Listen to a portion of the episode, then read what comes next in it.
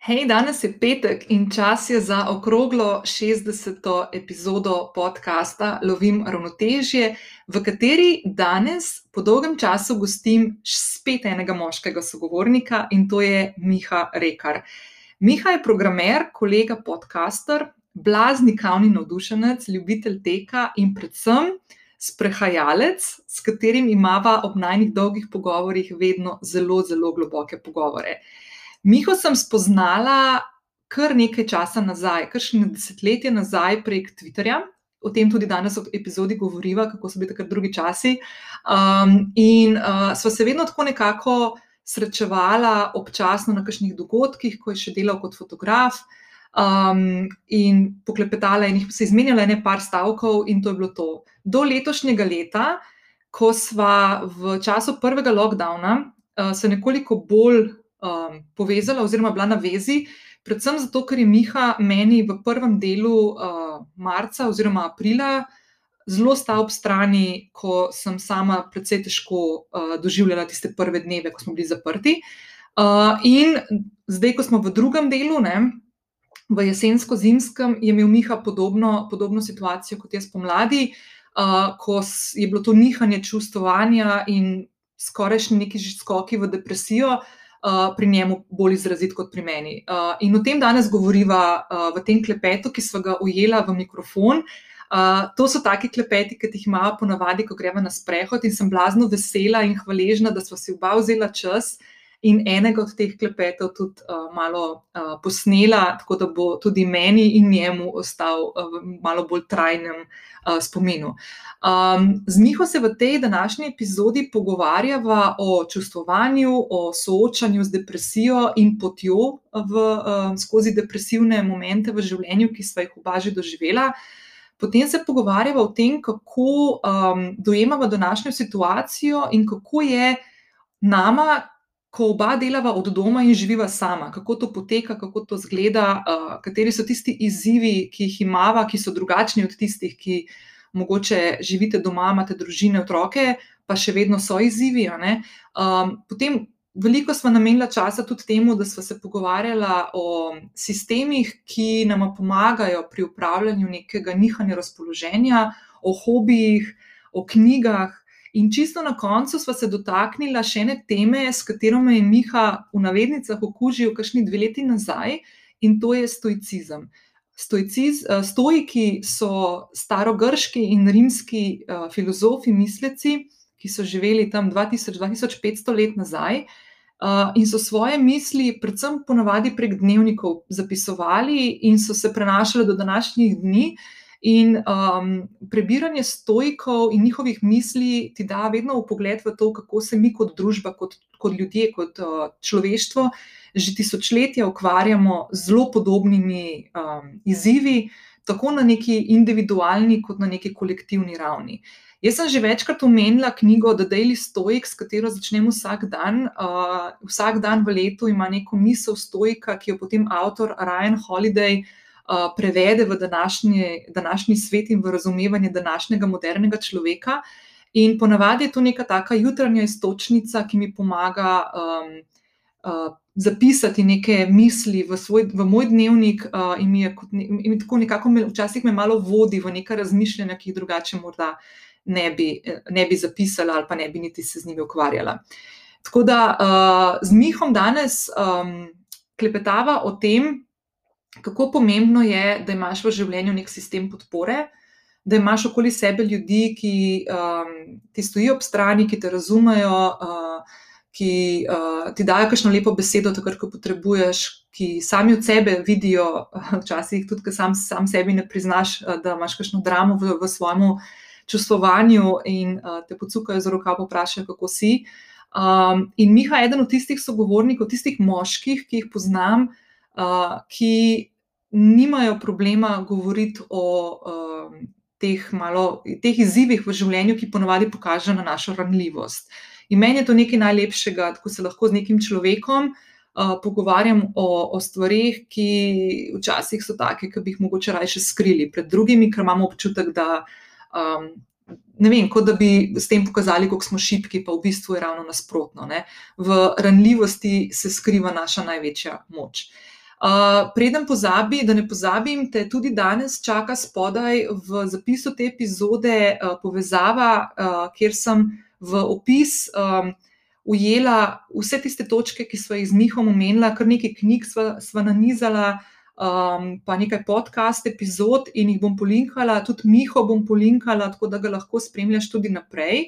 Uh, drugače pa, kot vedno, te vabim, da če se še nisi, uh, se prijaviš na podcast Lovim ravnotežje in tako zagotov, si zagotoviš, da boš vsak petek in ob sredah ponovem dobila v svoji podcast knjižnici takoj prikaz, da te čaka nova epizoda. To lahko narediš kar zdaj, če prekineš, daš na pauzo to epizodo, skočiš na aplikacijo, pri kateri trenutno poslušaš ta podcast. In se prijaviš, vedno sem vesela tudi ocen, to so tiste zvezdice in mnen, ki mi jih lahko pustiš na podcast aplikaciji, ali pa se mi oglasiš v zasebno sporočilo, najraje vidim to, da narediš na Instagramu, kjer bom hitreje to videla in tam se kar tak afterparty odvija, ponavadi po epizodah, pa še kakšno stvar poklepetamo. Um, kaj, zakaj vedno to povem? Zato, ker s prijavo vdajo cene in mnenja na aplikaciji, pri kateri poslušaš ta podcast. Pomagaš, da zanj slišijo tudi tebi podobne ženske in moški, ki bi jih take teme zanimale, in to je dejansko edini praktičen način, kako lahko uh, ta podcast tudi raste. Tako da, uh, Hvala še enkrat. Jaz te vabim, da prisluhneš uh, najnemu pogovoru. Uh, ful je fin in jaz sem tako ful, ful vesela in hvaležna Mihi, da smo to speljala. Se že kar nekaj časa pogovarjava, da bova tole posnela in sem res vesela, da nam je to končno uspelo. In evo, to je to. Miha, izvoli.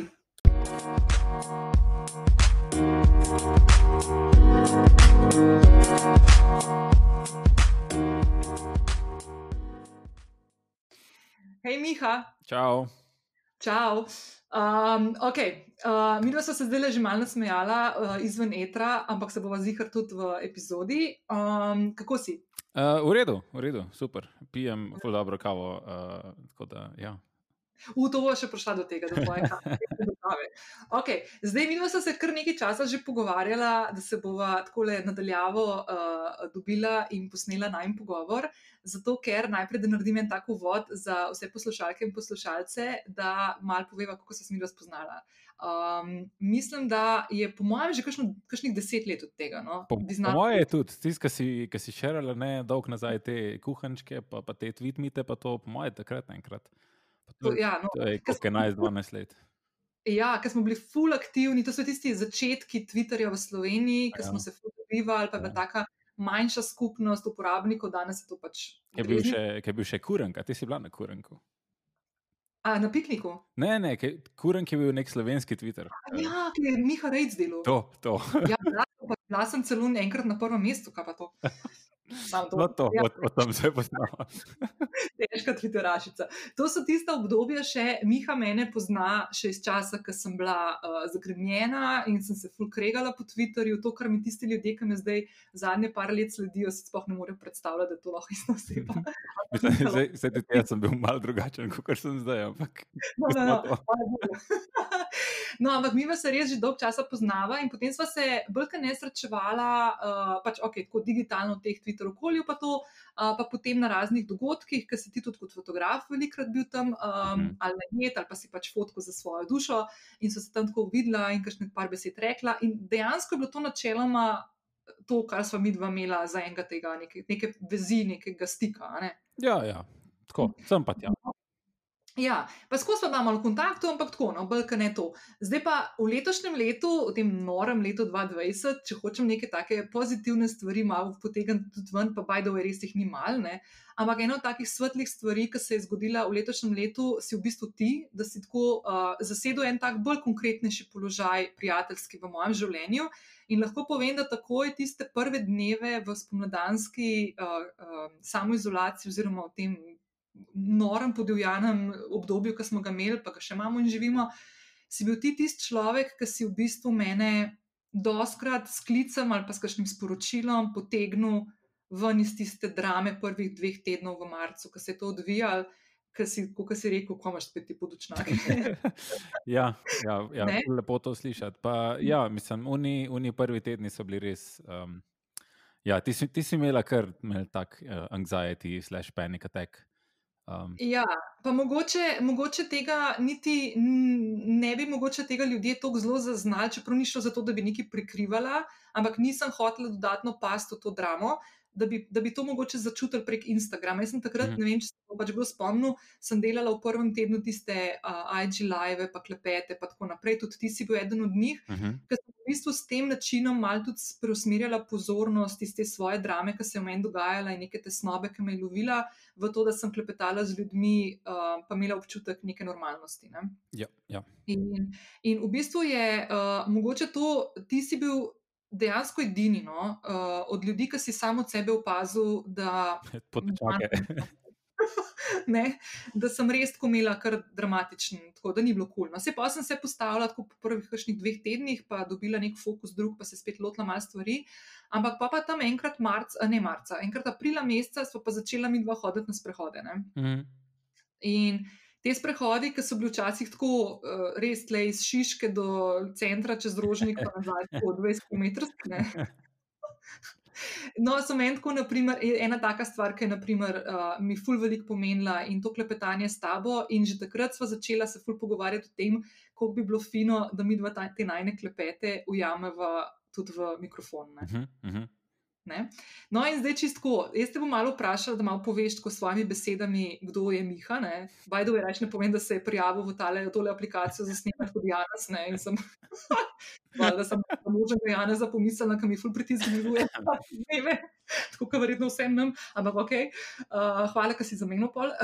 ampak, uh, dej, tako, Miha, čisto za, za začetek, mogoče v parih stavkih, no, povej, kdo je Miha Rekar. Um, by the way, samo še to, samo še to, ker Miha, by the way, se je ful pripravil za ta pogovor. Uh, je, uh, moram še to povedati, da Miha, ta sem jaz že večkrat omenila tudi v, v podcastih. Mislim, da zadnjič, da vem, da se spomnim. Uh, sem z mojco, uh, z mojco se pogovarjala, ker smo se pogovarjali o tem, uh, o knjigah, kako ti tudi ne svetuješ. Pa so ugotovili, da v bistvu podobne mhm. knjige ima. Ja, še, še pridemo tja, po moje. Ja, ja, da, Uh, gremo po tvojem planu, ampak ja, ne.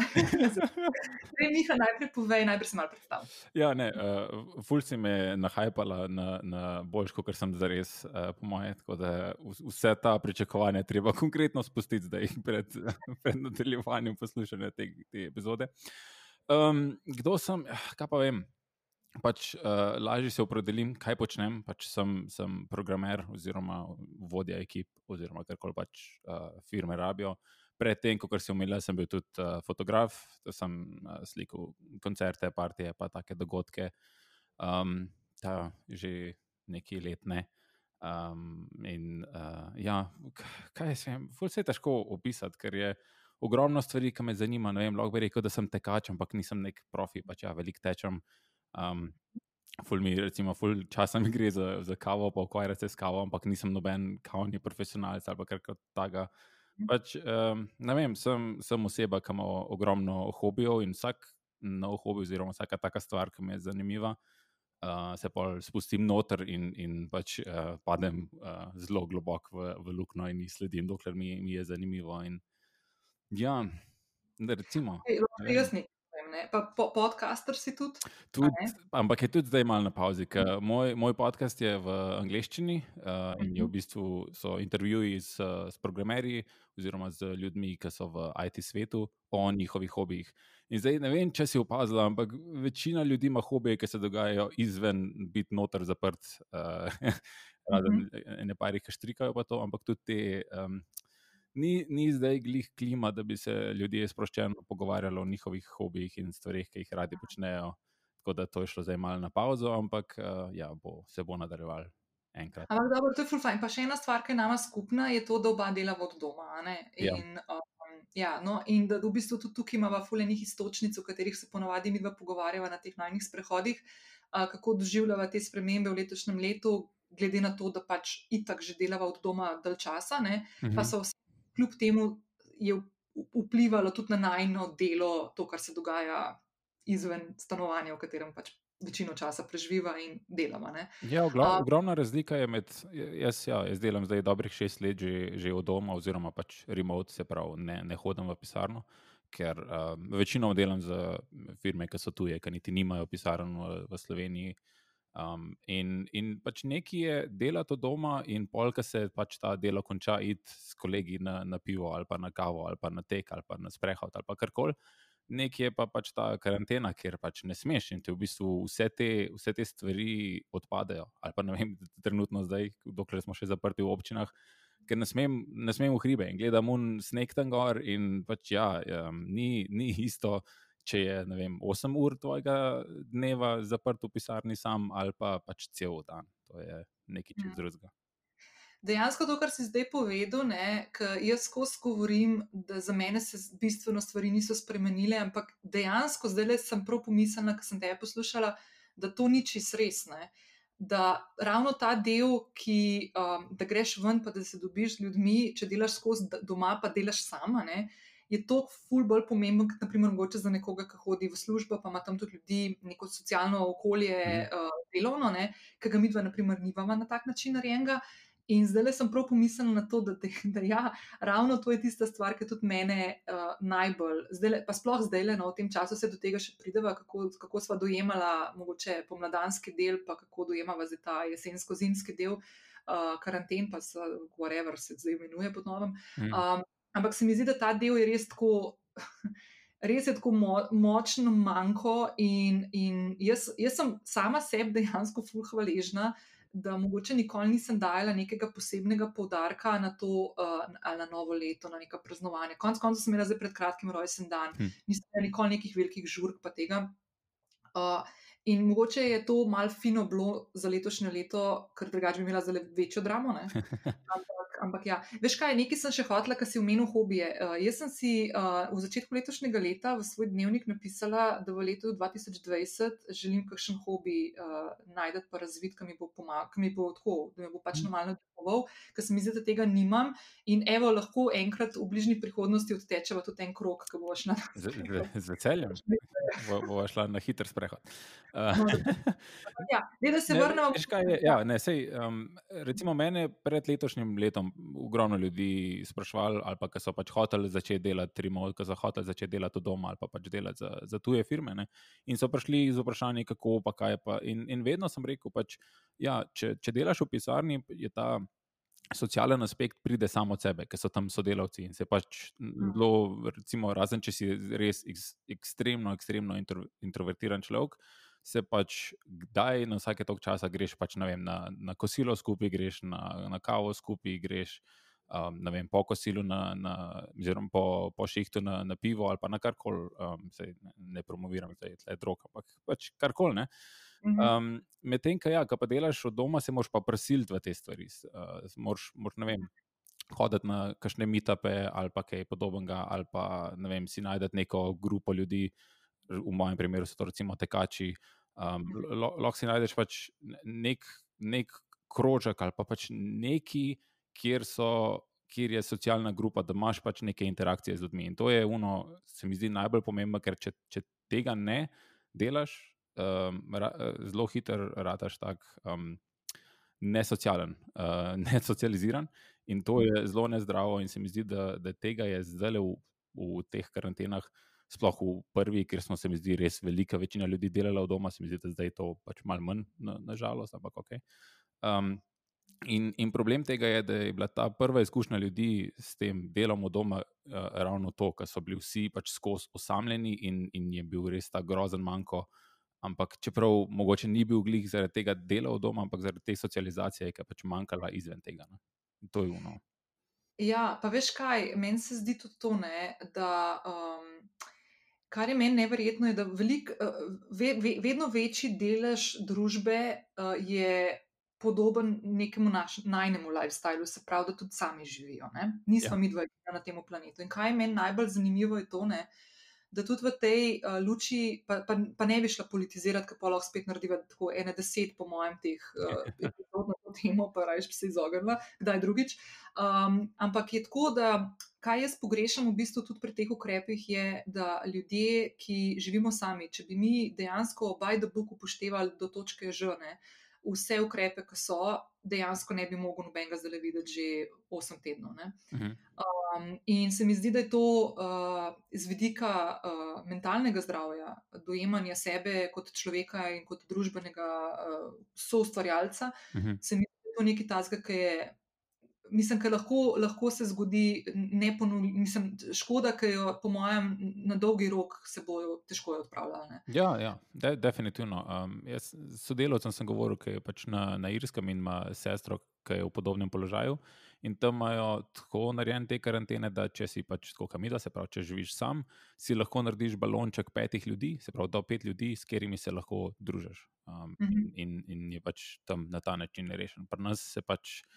To ne, in pol, ja, kadarkoli se dobimo, pač kršimo. Ja, saj se dobimo v zuniji, pa imamo maske, pa, pa vse se držimo predpisov, ampak po, ja, kot si rekla, ne, po črki zakona še vedno do neke mere se to krša, ne, ker, ker pač ja, niso v istem gospodinstvu. Ne. Mislim, dejansko te lahko, usta, pa nismo v sorodu, ne, dejansko te lahko ustavijo in te zato kaznujejo ne, po trenutnih ukrepih. Ne, kar se mi zdi tako, da, da tisto občutek, jaz, na primer, sem full človek, ki spoštujem, uh, imam tako neko straho, spoštovanje, ubito v glavo do uniforme in do avtoritete.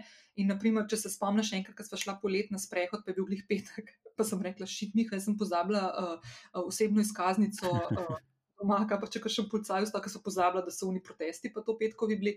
A veš, take stvari, ki se počutiš že na pol kot kriminalc, pa dejansko nisi nič narobe naredil, pa 95% stvari, ki so uh, upoštevati in za spoštovati, jih dejansko spoštuješ. Ne? Mhm. In bi, jaz ti povem, da bi mi film počel, če bi me zelen policaj ustavil. pa bi- Sorry, ampak ravno zaradi tega, no, ker se mi zdi, da vsak človek, um, že pustimo to, da smo itak pri sami definiciji socialne distance zgrešili pojem totalno, ne, Mhm. Ampak um, nihče ne more od tebe pričakovati in zahtevati, da, da nimaš nekoga, na katerega se lahko obrneš in se z njim vidiš uh, na razdalji. Magar, Ja, ne. ne, sto procent ima to pač um, posledice za, za, kako se rekla, za mentalno zdravje. In, in ja, ni, ni naravno to, da smo pač sami skozi. Um, to pač ni- nikoli prej v človeštvu ni bilo, razen če so nekoga izgnali. In to je bilo pač najhujše, kar, so kar, se ti je lahko naredil, da se te poslali na nek otok, kjer ni bilo nobenega in se te pač Ja. pomešali in si naredil samomor. Exactly. Zato so te solitary confinements in te foresamice ja. problem, mislim. Ne. Ja. Um, da je mogoče več kaj. Um, zdaj, ko se pogovarjamo malo o tistem pomladnem delu, uh, pa zdaj v tem jesensko-zimskem. Pa jaz, na primer, pri sebi opažam, okay, takrat me je zarotiralo tisto prvo, prvih dva tedna, zato ker je bil res šok pač za vse nas. Ja, pa ker noben ni vedel, sploh, kaj je to. Uh, nismo, ja. nismo vedeli, koliko ljudi umira. Recimo uno, v Italiji so pač cepali dol in, in smo vsi uno, fakt, to, to nas lahko čist pokople in pol, ja, zdaj je malo drugače. Zdaj mislim, da. Zdaj pa mogoče smo šli pa v drugo skrajnost, da ljudje premalo resno jemljajo to in mm -hmm. zato se načne izboljšati. Ampak gremo, gremo na lepo. Ampak ja, ne, veš, kaj, ne, ne, ne, sej, ampak jaz, ko gledam, naprimer, pri sebi, jaz, naprimer, zdaj le ta del karantene oziroma to obdobje mogoče prenašam večkam bolj, zato ker sem si res tudi naredila en kup enih stvari, s katerimi. Um, Mogoče, dobro, pa ne, da, niti nimam občutka, da bi bežala stran ne, a, a, a, od nekih teh duševnih, mogoče da me kaj bremeni, pa niti ne, mis, niti ne pomislim na to. Mislim, da ne. Um, me pa ena druga stvar, ki jo pa opažam, je pa to, da prvič sem obkrožena z ljudmi, ki bistveno težje v tem trenutku prenašajo te stvari, kot so jih pomlad, kar do neke mere razumem tudi s tem, ker je vreme kot je, krajši dnevi, manj svetlobe. Uh, druga stvar, uh, da, je, da, da ni videti konca, ne? da imamo občutek, da tole bo lahko trajalo do ne vem kdaj, ne rečem, ne povem, je, kaj jaz mislim, kaj se zna zgoditi. Uh -huh. um, in se mi zdi, da, da te stvari zdaj le postajajo. Fulje tenzije, no? fulje tenzije v zraku in to, da ljudje, kot si tudi ti sam rekel, določenih stvari ne spoštujejo, pa tle ful razlogov. Ne? Med drugim, jaz sem najbolj prepričana v to, da tudi zaradi tega, ker ni nekega vzgleda od tistih, ki bi ga mogli dajati. Ja, to, um, mislim, da to temo brez veze diskutirati, ker pač ja, vsi vemo, kakšne so stvari. Ne, ne bo politizirala, bo to pustila za Twitter. Ampak uh, se mi zdi, da tukaj iz tega vidika, pač, uh, plus vse to, kar smo že povedali, da pač ljudje smo družabna bitja in je pač težko te stvari na dolgi rok vzdrževati. Um, ampak mislim, da zdaj le postaja res dramatično. No? Jaz, ko se bolj, ko se pogovarjam z ljudmi, tudi mi dva smo se pogovarjali o tem, pa lahko malo več poveš sam, um, kako ti doživljaš ta drugi del. Ampak se mi zdi, da je zdaj le zadeva tako, tako res ni ok, tako res gre v napačno smer, na duševni ravni, ne, na dojemanju tega, kar se zdaj dogaja. Ja, jaz, sem imel, jaz sem imel dva tedna nazaj res uh, tako, no, gledene depresivno epizodo, oziroma tik pred tem, preden bi se zgodila, se mi zdi. Ker je bilo, uno, um, itak, ja, kot se reče, te kratke dnevi. Ne, uh, uh, začneš delati noč, nehaš delati noč, vmes je pa megla. In, in, in pač skozi je temno, skozi imaš feeling, da ne veš, če je dobro, aj še noč, aj že dan, aj, ali kje sploh smo, kaj se dogaja. In, in vse to, in pač videti pol, da, ja, ne, vem, da, da ne moreš iti niti, niti ven, niti v hrib, niti nekam, da bi se pač nafilil z energijo, ampak pač si omejen na te tri hribe, ki jih imamo v, v Ljubljani. Um, ki pač ne pogledajo ven iz megle, razen če je res uh, idealno. In, ja, in, in to dejansko vpliva. In, um, zdaj pač moram reči, sreče je malo boljš, in, in imam zdaj tudi to lučko, sem si kupil, uh, ki je ti si že govorila o tem, ta seasonal affective disorder. To je. Ja, sezonska depresija. To, ja. to. In imam zdaj to lučko, ki mi tle svet v glavo. Um, in uh, ja, imam še le par dni, tako da ne morem reči, ali je res uh, razlika ali ne, ali je sam placebo. Ampak tudi če je placebo, lej, če se jaz boljš počutim, zakaj pa ne. In, um, in se mi zdi, da, da je pač malo boljš, uh, tudi vreme se je malenkost izboljšalo. Mogoče ne ta teden, ampak uh, smo imeli pač malo sončka v mestu, da to bilo um, definitivno vplivalo na, na splošno počutje. Um, Ja. Ker mi imamo še eno stvar tako skupno, ker se veliko tudi o njej pogovarjava in meni je to fully všeč, um, da, da imamo te debate. Zato, ker prvič zato, da, da pač deliš z nekom neko tako stvar in, in pokažeš. Um, Pač najdeš hitro lahko skupno točko, če se tudi drug človek odpre, da smo določene stvari zelo podobno doživljamo. Uh -huh da smo, naprimer, tako skozi najne te sprehode in pogovore že nekaj časa nazaj pač našla tudi še eno dodatno skupno točko in to je tudi to, da smo imela že oba v življenju um, te bitke z depresijo. Uh mhm. -huh. In da smo se mogoče tudi kaj že naučila, čeprav te, te situa ta situacija zdaj tako res ekstremna in mislim, da se noben ne bi mogel. Na to dobro pripravljati. Uh mhm. -huh. Ampak, si mogoče tako, čisto iz po svojih izkušnjah in poti uh, s tem uh, spremljevalcem uh, depresijo v življenju. A se mi se ti zdi, da si kaj tako, um, kaj tasga ugotovil ali pa pri sebi ugotovil, kaj ti pomaga? Ok, zelo lučko si omenil, ker ti je naprimer dva tedna nazaj kaj pomaga. Ja. Um, mislim, ja, to, to kar si rekla, pač uh, pogovori z, z ljudmi, um, pač biti mal socialen, iti mal ven. Um, fizična aktivnost definitivno pomaga. Zdaj, pač ne bom jaz le govoril, kot da sem doktor ali pa da, da karkoli vem, vse, kar govorim, so pač na, na lastnih izkušnjah. In pač stvari, ki sem jih jaz imel, stvari, ki sem videl, da delujejo pri meni, pač kaj mi pomaga, ja, definitivno fizična aktivnost. Uh, če grem ven in laufam, se pač skoraj vedno počutim boljš. Um, Zanj je bilo tudi zanimivo, ker je šel dež in sem šel držal laufati. Um, in sem se spomnil na en citat, ki mi ga je, oziroma citat, nekaj, kar mi je rekel en kolega Anžej Česen. Um, je rekel, da pač, če, se, če se ne počutiš dobro, id laufat, če, če se ti ne da, ki pač uno, ja, zunaj daš pa vse, pa mokro, pa vlažen, pa se ti ne da. Pač obleč se vse, presil se, pa pet laufat en kilometr. In če ti po enem kilometru ne bo v redu, pač obrn, pa pet nazaj domov in nikoli ne boš obrnil. Ne? In, in um, to, je, to je tudi pač ena taka stvar, da se presiliš stvari, ki se mogoče trenutno zdijo naporne oziroma neprijetne, ampak veš, da bo na koncu neka nagrada, oziroma da se boš počutil boljš, ko bo to mim. Um, tako da to je definitivno to. Um, je pa ja, ne vem, um, če se hoče že zdaj stoicizma dotakniti, ampak tudi, mhm. tudi to je ena od stvari, ki sem ugotovil, da je, da je res mi pisana na, na kožo in definitivno spremenila moje življenje na boljše. Uh -huh. Da bo to še prišla do stoicizma, ker to si tudi meni okužil s tem in je bilo režno. Ampak, ja, da bo to prišla do tega. Pa mimo grede, samo eno stvar, bom tudi jaz dodatno izpostavila, da oba se zdaj pogovarjava o stvarih, ko so um, intimne stvari, ki so vezane na to, kako vsak posameznik doživlja določene stvari. Uh, je prav, da si to omenil, da pač niti jaz, niti ti nisva tukaj neka strokovnjaka in um, nimava izobrazbe na tem področju psihologije, psihiatrije in drugih znanosti, da gre dejansko za najno zgodbo. Tako da vse te stvari, ki jih danes deliva, je prav, da poveva, da jih deliva, zato ker sva mi dva dala te stvari skozi vsak mm. na, na svoj način. Tako da tukaj res. Ampak glede Mislim, na ja, to, za- Za vsakega deluje neki, neki drugega, ampak so pa stvari, za katere lahko rečeš, pač overall, da, da pomagajo Ja. ljudem. In ja, re, recimo, da je pač resna fizična aktivnost aktivnost, ja. teh stvari. ne. To, Pa, pa imeti dosti spanca, recimo, to je tudi zelo pomembno, kot si ugo- ugotovila v prvi karanteni. Ja. Um, ja, Pa mogoče omejevanje novic, pa tega, ne, to meni ful pomaga. Jaz to vem, da ko naprimer grem, ko sem imela zdaj res imela dva tedna nazaj, tako da sem kar nek, nek rabbit hole padla uh, in sem spet čist preveč spremljala, uh, sploh spletne portale, ker nimam televizije doma in to pač pol ne gledam. Um, in se mi je nivo tesnobe tako ful dvignil. Ne. In um, tudi take stvari se mi zdi, da včasih se treba zaprašati, kaj, kaj, koliko- do kere točke je produktivno, da mm. si skupaj tekočem stvarmi. Ne. Ja, se to sva, to sva ravno na, na, na zadnjem sprehodu se pač pogovarjali od tega, od, od novinarstva in, in kako je v bistvu odvisen od oglaševan, oglaševanja. In je zaradi tega pač prisiljen pisati članke, ki pač politizirajo oziroma ki naredijo neko dramo in so zaradi tega pač jih ljudje šerajo in zaradi tega več klikov. Ampak Mm. to pa pomeni, pač, da, ja, da se počutiš slabše, ko prebereš tak članek. Ne.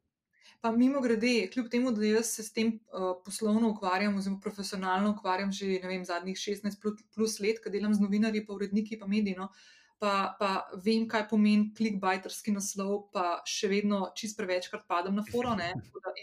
Ampak čistko, to je ful dobra praksa, naprimer vsak pri sebi. Jaz, naprimer, to vedno tečem nekako tak rok, ko se mi to zgodi, ko kliknem na neko tako stvar. Ne. Eni, eni mediji so pri tem boljši kot drugi, ne, um, ampak dejansko odtečem uno, zakaj, kaj je bila fora, ne? da sem zdaj to kliknila in mm. se Mm. Vsakič znova premakniti, mečkam dlje na tej lestvici, da pač naslednjič bom mogoče rekla, hm, a bi kliknila na to, ali bo to zdaj kar spet neka glupost. Ne? In mogoče danes, naprimer, manjkrat padem na to foro, kot sem pred enim letom ali pred tremi. Ne? Tako da včasih tudi to malo, da se malo sami sebi izobražujemo, je pa pač mediji tukaj. Tukaj se dejansko vidi, koliko so mediji močni, pa koliko so pomembni, da jih imamo in koliko je pomembno to, kar skozi podarjam, da jih v bistvu podpiramo, konc koncev. Ja. Um, pa da mogoče še eno stvar bom kar umenila, zdaj, čeprav ne bo šla v to smer, ker to pa že vidim, da bo šla spet v politične scene. Ampak da pač mogoče včasih pogledaš tudi kakšno, kakšno, kakšen medij, s katerim se ne strinjaš. Naprimer, danes sem šla jaz na demokracijo spletno stran. Čisto. Preletela sem jo, veš, le moram vedeti, kaj se na drugi strani mojih. Ja, ne, jaz, jaz to čisto podpiram. Absolutno podpiram, da imaš uh, širok spekter in, in da greš brati. Pač, um, ja. Ne, ne, brat, Miha, sam naslovnico sem no, preletela. to je še slabše. Ampak pač, nek, neki pa res naci propaganda in, in tam, pa, Mm. tam se pa nič ne naučiš, oziroma tam pa nič ne zveš, kar je produktivno. Jaz se strinjam, absolutno. In tudi ne gre za to, da bi, da bi človek hodil tja, pa da bi kaj zvedel tako na tak način, ker jaz sem zadovoljna s temi vrednotami in pogledom na svet, ki ga imam. Je pa ena stvar, ki se pa učim zdaj v zadnjem obdobju, pa bo tudi mogoče še do tega prišla. No, um, da pa ni prav, da gledaš na svet sko, samo skozi svojo opcijo, ne, oziroma skozi neka svojo, svoja očala vrednotne. Pač Ja, ja. obstaja še en kup enega drugega sveta. In zaradi tega, če ga ti ne poznaš, ne, se potem tudi, kot se zdaj dogaja v naši družbi, nažalost, ne, uh, uh, podpihujoče strani nekaterih, ki imajo tukaj interes, da se to dogaja, da se pač med sabo državljani kregamo, pa vsi smo v istem dreku. Ja, ne, in, in to je ravno to, ki hoče, recimo, tudi to se dogaja na, na pač družabnih omrežjih, ker pač hoče, da ostaneš tam in da deliš članke po Facebooku ali pa kjerkoli, ali pa Twitterju. In pač ti propagirajo tiste članke, ki vidijo, da se najbolj širijo, ki so najbolj viralni, ki so najbolj. In to so ponovadi članki, ki so zelo velikrat pač ali, ali totalen bullshit ali pa skoraj. In, in te se najbolj širijo, in, in pol si ti narediš nek ta svoj balonček, ljudi, ki jim zaupaš, in tam pač drug drugemu pošiljaš stvari, s katerimi se že strinjaš. ne. In, in pač vsi ti mediji, vsi ti, vsi ti portali, pač Facebook in, in, in Twitter, vse to pač deluje na ta način, da te zapre v nek mehurček. Tudi Google, recimo. Če boš ti Mhm. iskala en termin, bom jaz dobil drugačne rezultate za ta isti termin, ker pač ve, kaj tebe zanima, oziroma um, kakšne, ti, kakšne strani ti obiskuješ, kje si bil. Sploh, če uporabljaš Google recimo, ali pa Facebook, ti sledita skozi povsod na vseh tvojih napravah. In, in ti servirajo tiste stvari, ki pač oni mislijo, da jih ti hočeš videti, in ti zaprejo ta mehurček.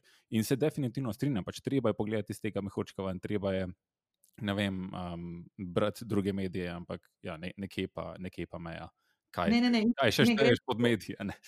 Ne, ja, ja, itak. ne, gre za to, da v bistvu pogledaš, da, da vidiš svet kot celoto, da pač Mhm. obstajajo ljudje, ki so diametralno nasprotnega mnenja od tebe. Ja. Kar je načeloma, načeloma je to ok, ne? načeloma. Dobro je tudi, recimo, da, do-.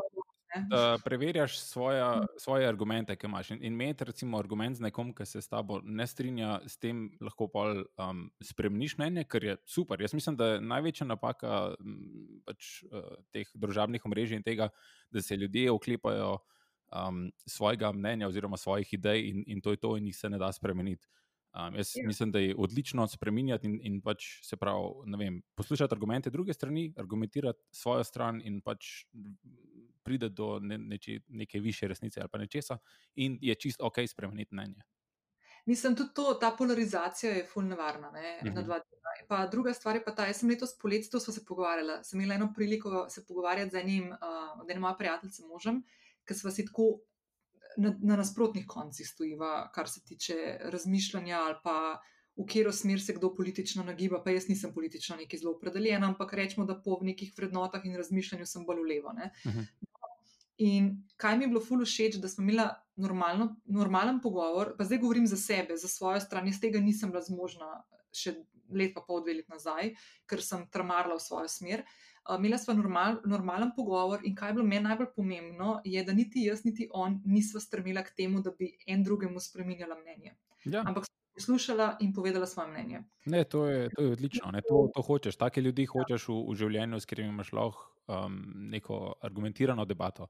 Um, Ja. ni, ni nujen, da ne, gre se tle, da zmagaš v debati. Mislim, da, da je to slabo. Pač prav je, da poveš svoje mnenje, da, da poslušaš drugo mnenje in da pač si probaš s tem izboljšati svoje argumente.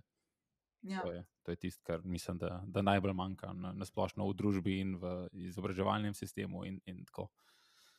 Ja, ja. Tako, mislim, zdaj mogoče bi sam še to preden se premaknila naprej, pa gremo malo nazaj. Tudi, greva naprej nazaj, malo te samote, de- depresije, malo vsem dotaknila.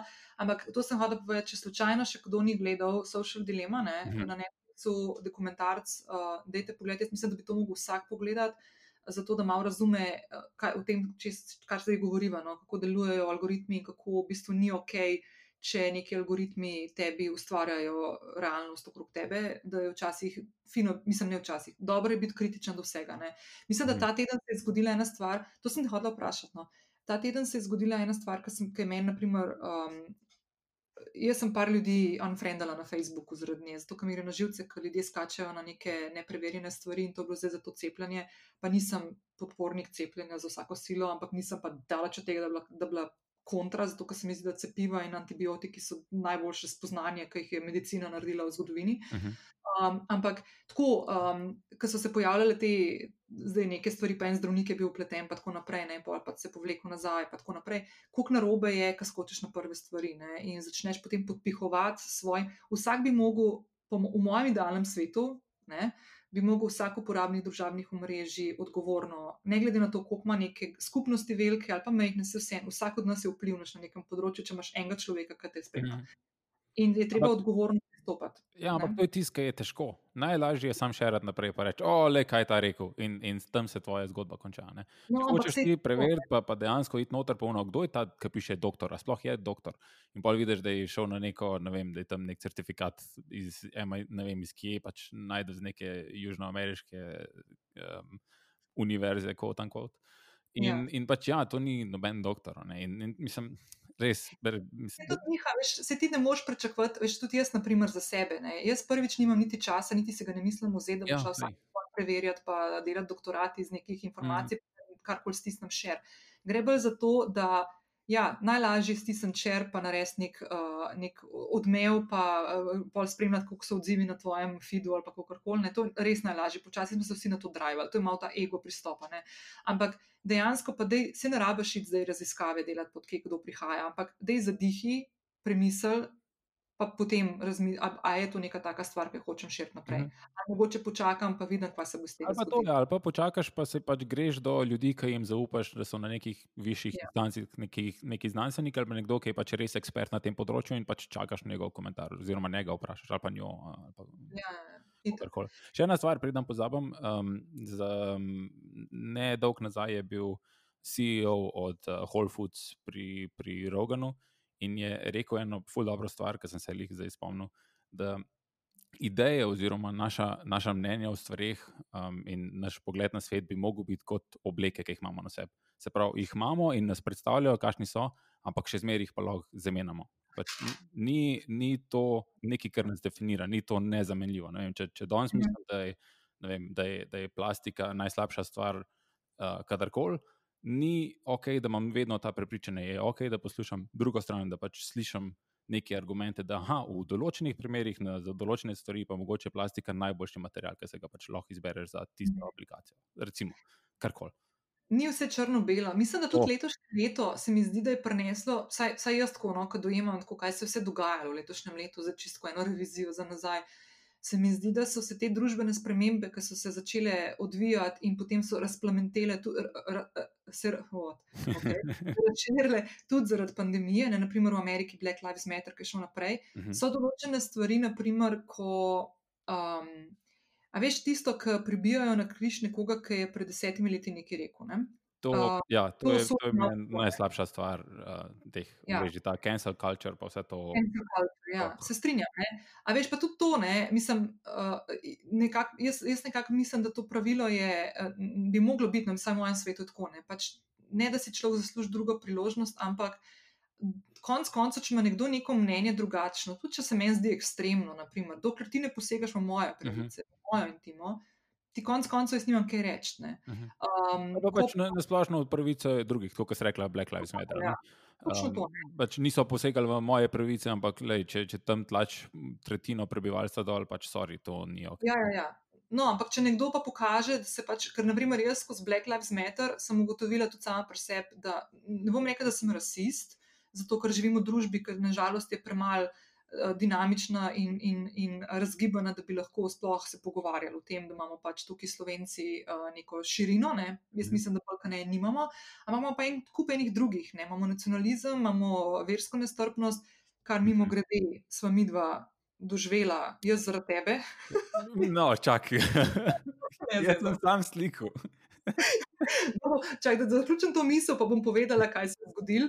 Um, in uh, se mi zdi, da jaz, jaz sem sama pri sebi, ravno skozi Black Lives Matter, ugotovila, da imam pri sebi ful stvari za porihtati. Jaz sem si vedno mislila, da sem blazno odprta in tako naprej, ampak dejansko sem odraščala v okolju, kjer ni bilo nekega zelo tacga, da bi rekel, ja, ne vem, zdaj pa nekdo, ki je iz juga, ne, je pač ga treba.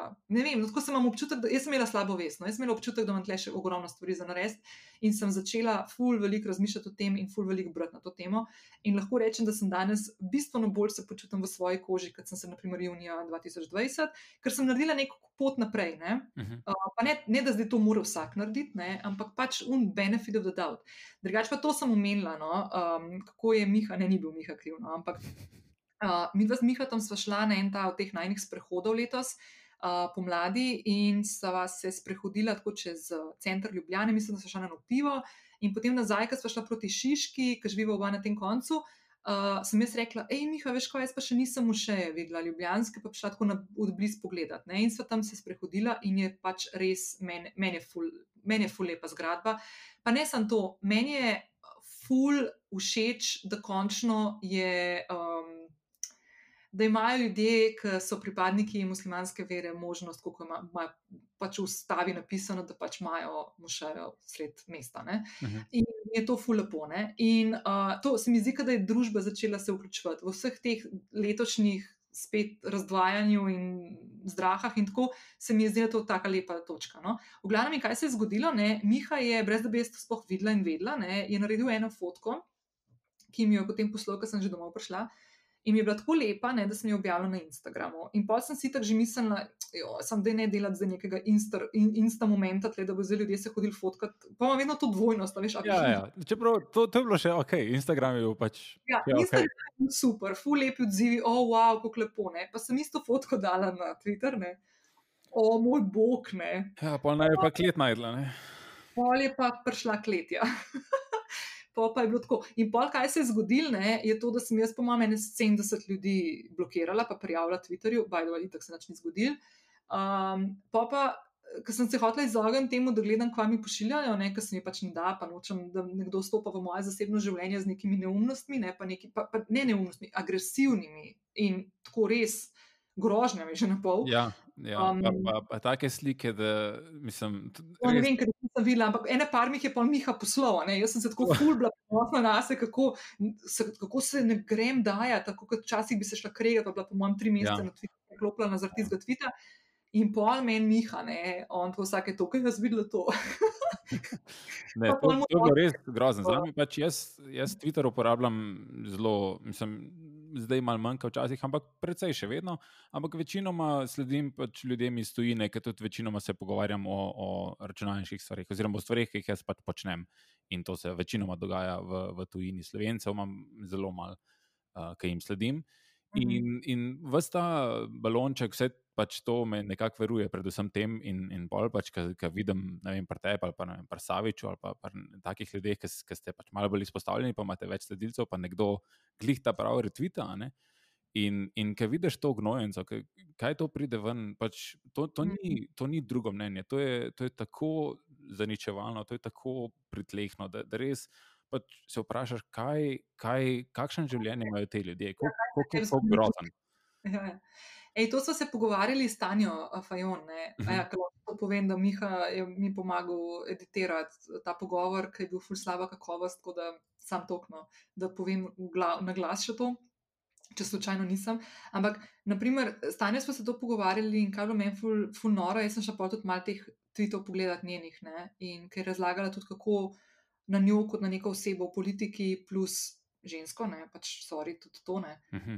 Kako jo, ne, na kakšen način, kakšne zmrljivke in, in kakšne ogabnosti. Mislim, tam dejansko vsake to, ki vsak drugi tweet nazaj, ki ga dobi, je tak, da bi ga bil za na policijo prijavljen. Ja, ja. Ko to vidiš, ne, si misliš, tako mi nismo normalni. Ne. To, to, Ja. je šlo, to je šlo. Ne.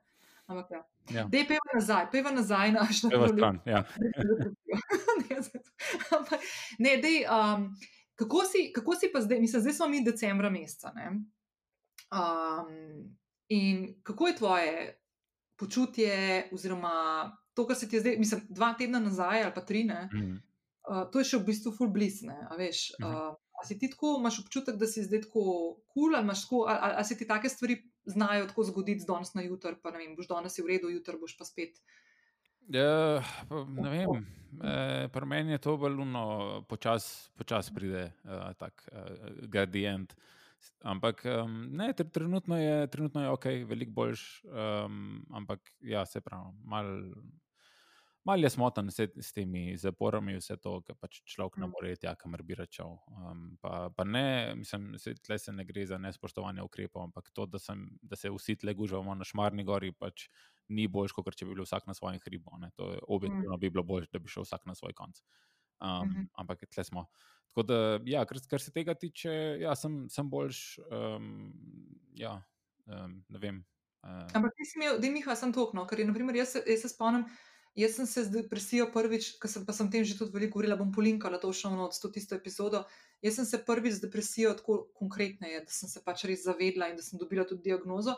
Sem se srečala pri, mislim, da 26 letih in pa se mi je to tako trikrat, pono, mislim, ponovil se mi je večkrat, ampak dvakrat kasneje se mi je ponovil še to, da sem pač šla tudi poiskati pomoč in da sem se šla tudi zdravta ne, in skozi psihoterapijo in, in, kon- in tudi antidepresive. Um, kako imaš pa ti tako svojo pot, kako, kako, je, kako je tako potekala, kaj, kaj so tiste stvari, mogoče ne, ne na detajle, mi niti ne zanima, ampak kje so tiste stvari, ki so te pomagale. Zdaj, ok, omenil si športanje, pa tle lahko rečem, da sem ti jaz full fauš, da imaš eno tako stvar, naprimer tek, jaz sem si to vedno želela, ampak me ne potegne, da greš ven, pa se, pa se zlaufaš, ne, a veš, pa daš to ven, naprimer. Jaz to Mhm. bolj delam doma, pa tako, pa bi bilo fajn, da bi malo probala sam, ne vem, kako potegnem to not. Ampak kakšne so tiste stvari, mogoče, ki si jih ti že v življenju dal čez, pa so ti pomagali, pa mogoče tudi zdaj, ki se srečaš v kakšnem takem momentu, kot si se dva tedna nazaj, da ti vsem tako malo se spomniš, pa rečeš, ok, le, takrat mi je to pomagalo, bom mogoče Mhm. to še naredil. Ali, pa, ali so kakšne take rutine, kakšna taka stvar, ki se vračaš k njej. Mislim, drugače zdaj tudi, ker sem precej starejši, pa drugače doživljam vse stvari, pa imam neko perspektivo na življenje. ker Pač, ja, meni se je to v srednji šoli um, dogajalo, ker, ker je pač um, vse obrnjeno nekako proti tebi, tako že se veš, hormoni in, in um, ta uh, neka, neka distanca. In, in, in, Ja, noben te ne razume. Ne? Ja, itak. To me še vedno ne, ampak. um, ne, ne vem. Um, takrat niti ne šport, ker v bistvu dosti hecanje, da sem se, jaz sem se športom začel ukvarjati malo potem, ker sem začel delati doma, ker uh, sem se začel res rediti kopujs in sem rekel, nekaj bo treba narediti. Uh, in sem začel laufati, uh, fulilo hecam, ker sem si kupil slušalke in sem rekel staršem, takrat sem še pri starših živel, uh, da ja, ja, sam slušalke dobim, pa sem začel laufati, pa grem pa, pa, grem pa na pol maratona v Ljubljano. Ja, ja, seveda. Um, in, in sem res, in, in pol na sedem let sem šel, sem šel maraton teč, in um, ja, od takrat sem kar mal. Um, Edikt, kar se tega tiče.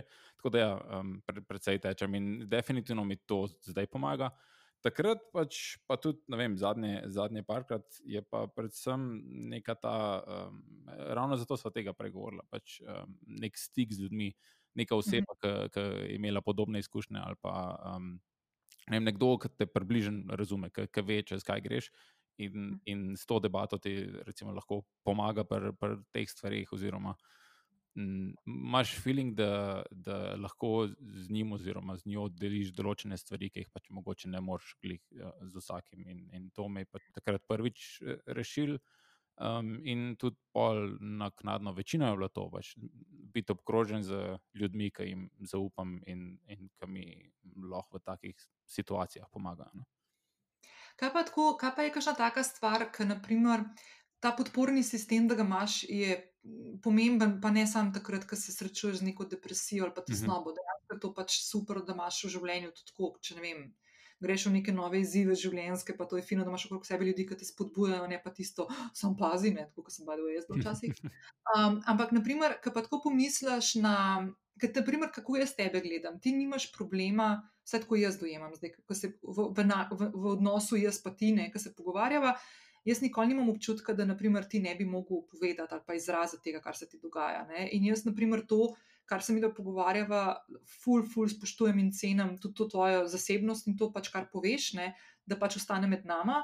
Um, ampak, naprimer, kaj je tista stvar, ki ti želiš od nekoga, ki mu zaupaš te stvari, um, da, da te posluša ali da ti stoji? Na kakšen način je podpora, vidiš podporo človeka? Uh -huh. Ja, ne, razumem vprašanje, ampak ful težko odgovorim, ker je odvisen od, od eh, človeka. Vem, z vsakim imam, se mi zdi, mal drugačen odnos, ampak nasplošno jaz kar precej zaupam ljudem. Ko, ko te spustim nekako dosti blizu, oziroma ko nekoga spustim dosti blizu, pol pač um, relativno zaupam ljudem vse.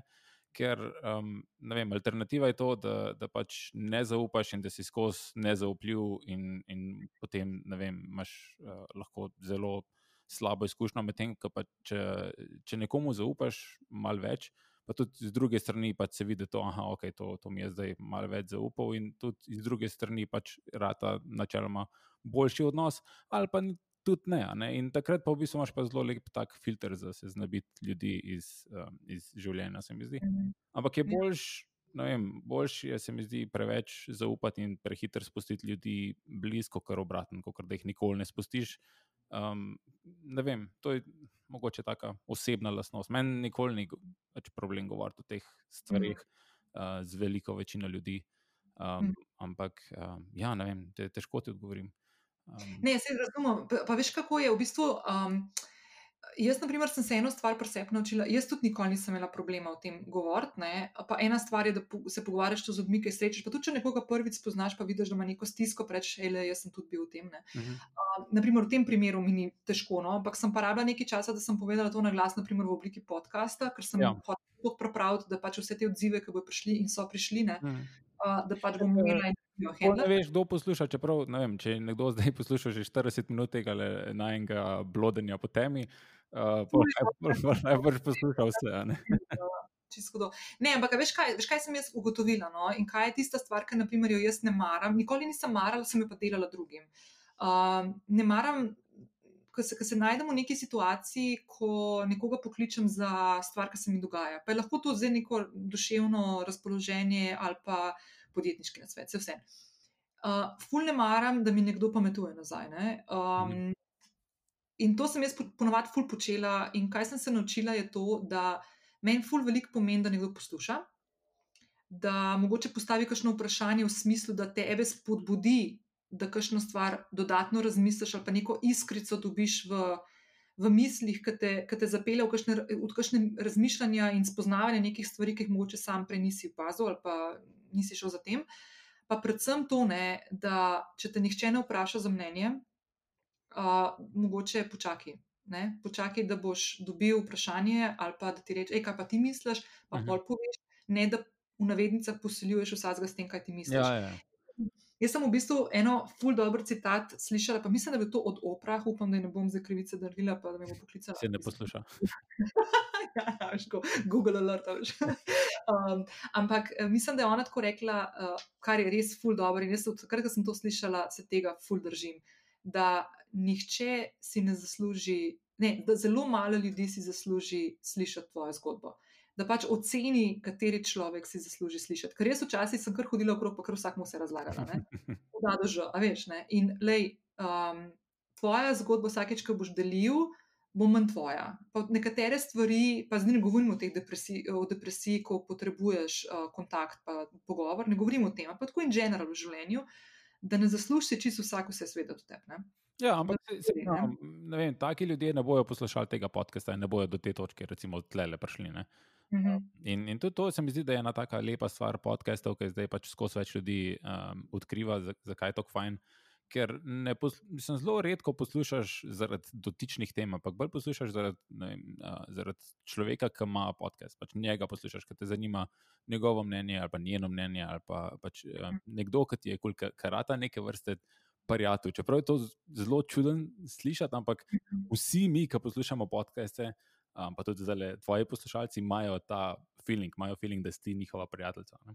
Mhm. In čeprav je v večini primerov enosmerno, nima veze, pač važno, kako se ti počutiš in, in, in kako ti izboljša pač, vem, tvoj, tvoje življenje, ker, nek, ker recimo ti poveš svoje stvari in se nekdo v tem prepozna in spremeni svoje življenje na boljše. Mhm. Je pa pol toliko bolj spoznati tega človeka, ker meni je bilo najboljše, ker sem, ker sem imel podcast in ker sem govoril, ker sem imel v gostih ljudi, um, kjer jih podcaste sem poslušal in je bilo itak čist čuden, ker so pač govorili nazaj z mano in tako, o, o moj bog, njega imam na, na podcastu. ne. Mhm. Um, in, uh, in ja, kdaj se izkaže, da niso pač tako fajn ljudje, kot sem mislil, da so, kdaj se pa izkaže, da ja, so točno taki, kot sem mislil, da so. Um, Ne, sem, to je res, to, to sem jaz tudi včeraj. uh, Včeraj je bilo ravno uh, eno leto, odkar sem začela tole uh, podcastanje oddajati in, in ful, ful globoko verjamem v to, da ta podcast, ki ga pripravljam in oddajam zdaj eno leto, ni, ni samo moj, ne, ampak je dejansko te se- cele skupnosti in ful resno in ful tako um, z velikim spoštovanjem sprejemam to, da si nekdo vzame čas in posluša vsebine, ki jih tako pripravljam. No, tako res ne res jih ne tako. Mislim, a veš, čisto neko, nekdo, ko smer pozornost pa svoj čas, ki je meni najbolj dragocena stvar na tem planetu in vem, da je tudi pač drugim ljudem, oziroma pri, prihajam iz te predpostavke, da je pač Mhm. čas drugim pomemben, se mi zdi tako. Um, Ful noro, no, da, da, da v takem številu ljudje spremljajo, pa da, na, Mm. da predvsem da najdejo v tem kanalu neke take stvari, ki jih mogoče spodbujajo, da razmišljajo o stvarih, ki jih do zdaj niso, o katerih zdaj niso razmišljali. Ja. Ampak Veš, tako, po, po eni strani, ne, ko tako gledam, uh, jaz tudi, naprimer, tiste podcaste, ki so meni najljubši, ne, ne vem, Armchair Expert ali pa Tim Ferris na momente, Joe Rogan mi ne gre več, kot mi gre živce. Ja, jaz, jaz, recimo, vse sem ti že rekel, meni men je on kot oseba katastrofalen, ampak zelo rad poslušam njegove podcaste, ker on je tak um, zelo razgledan idiot. Um, Ki postavlja vprašanja, ki jih noben drug ne bi postavil. In zaradi tega so zelo, zelo velikrat njegovi intervjuji čist drugačni od vseh ostalih, čeprav imajo vem, isto osebo. No, to, to, točno to, kar si zdaj rekel, Gitva, to so se že pogovarjali, ampak meni, naprimer, tisti podcast, ki je imel Bernie Sanders lani Mhm. uh -huh. poleti, mi je bil tako amazing. Ne. Mhm. Um, točno iz tega vidika, ampak ne vem, no, pač zdaj nisem v njem, ali pa, ali pa Edward, Edwarda Snowdena. Ja. naprimer. Ja. Ampak zdaj sem v nekem obdobju, ki ga ne morem, nekako ne morem. Ne, vse je ok.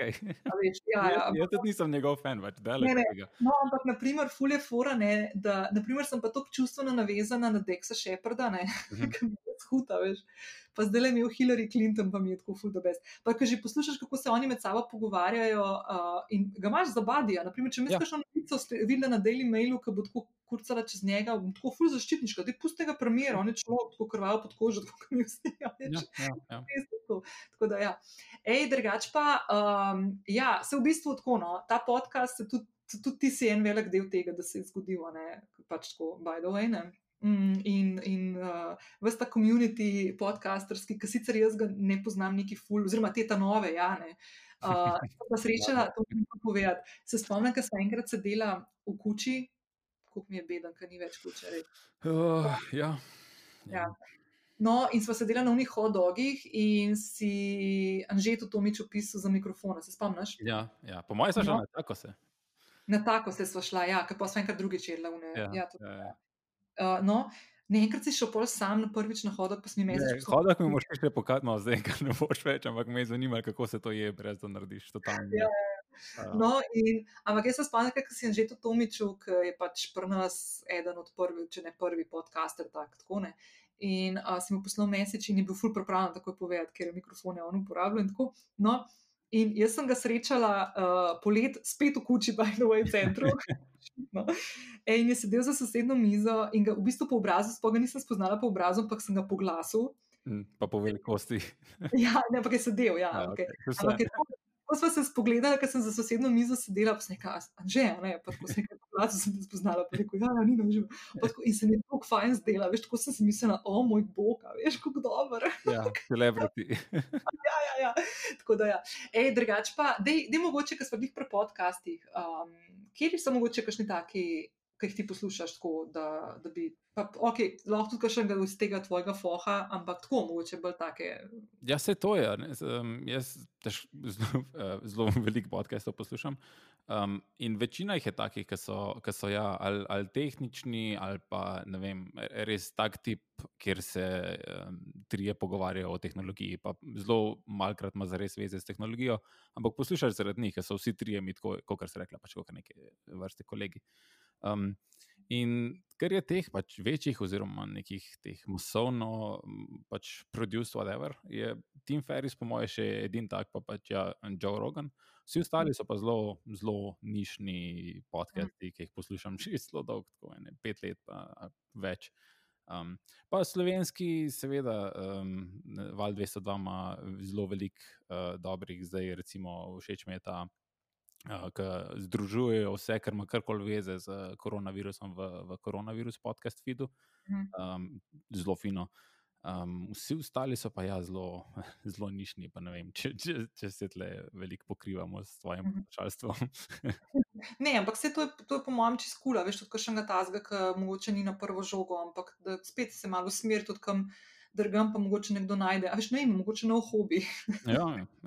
ali pa kaj. Ej, veš kaj, let, le vam, um, ker sem ti poslala včeraj na mail uh, štiri istočnice, ne.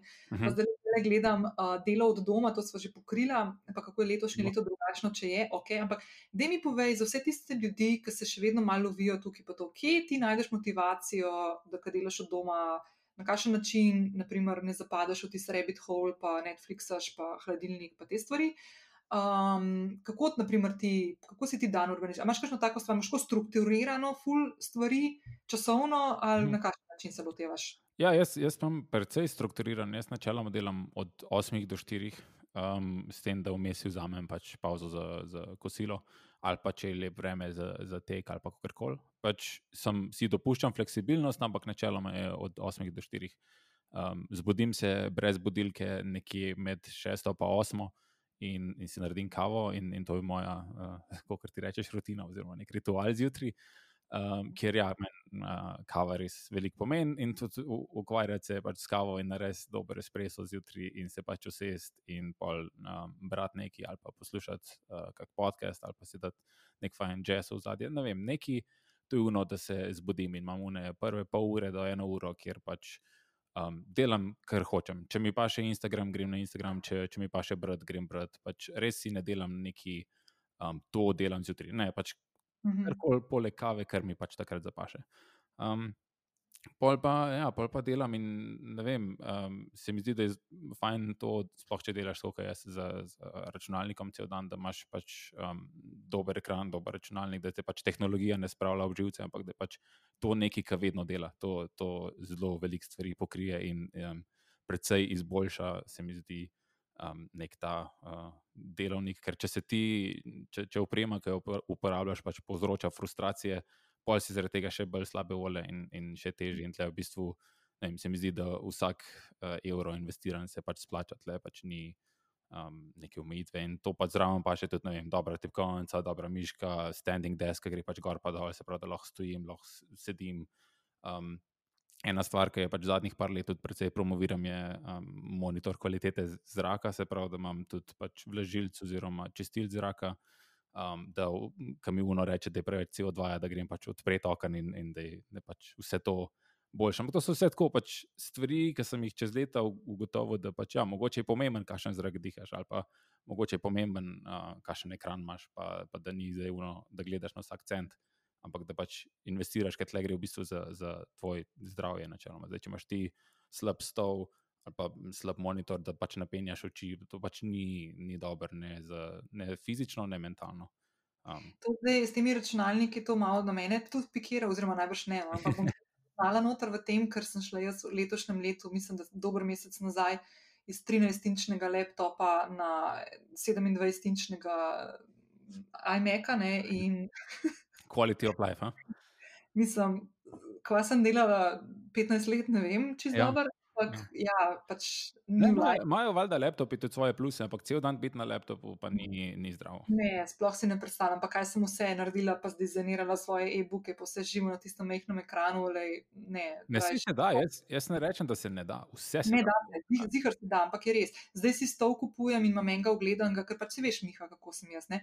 Naprimer, to so se zadnjič pogovarjala na zadnjem sprehodu o vlažilcih zraka, sem ti jaz povedala, da bi unga Dysona, valjda kupila, valjda bi unga Dysona najdražjega, ne, valjda ti meni poveš, da ja, se je kul, cool, pa vse, ampak ni pa glih med boljšimi. Ja, ne, je lep, sam to je pa tudi to. no, to ne. Pol druga stvar, uh, valjda si mi tudi miško že skurcu. Um, ja, Apple-ova miška ni ok. Ja, pač ja, meni pa, pri meni mora biti tudi lepo. Ja, um, ja se, ne, se razumem. Se pa, tudi, lej, tudi to je del tvoje, tvojega um, doživljanja dneva. Če, če ti je pač tvoje okolje lep in, in, in pač. Um, Vem, uh, zadovoljiv, da se pač dobro počutiš, to je tudi del, valjda. Um, meni je recimo zelo pomembno, da, da mi pač roka počiva in, in da imam zelo ergonomsko, in mi je pač dosto vse, kako stvari izgledajo. Um, ampak ja, le, vsak, ima, vsak ima druge prioritete, ampak treba je pa gledati na to, ne, moreš samo uno. A to ti konca sem dobil zraven, kam pa v redu je. Ne pač. Poglej, ali mogoče obstaja kaj božga, da ti bo pač zboljšal dan.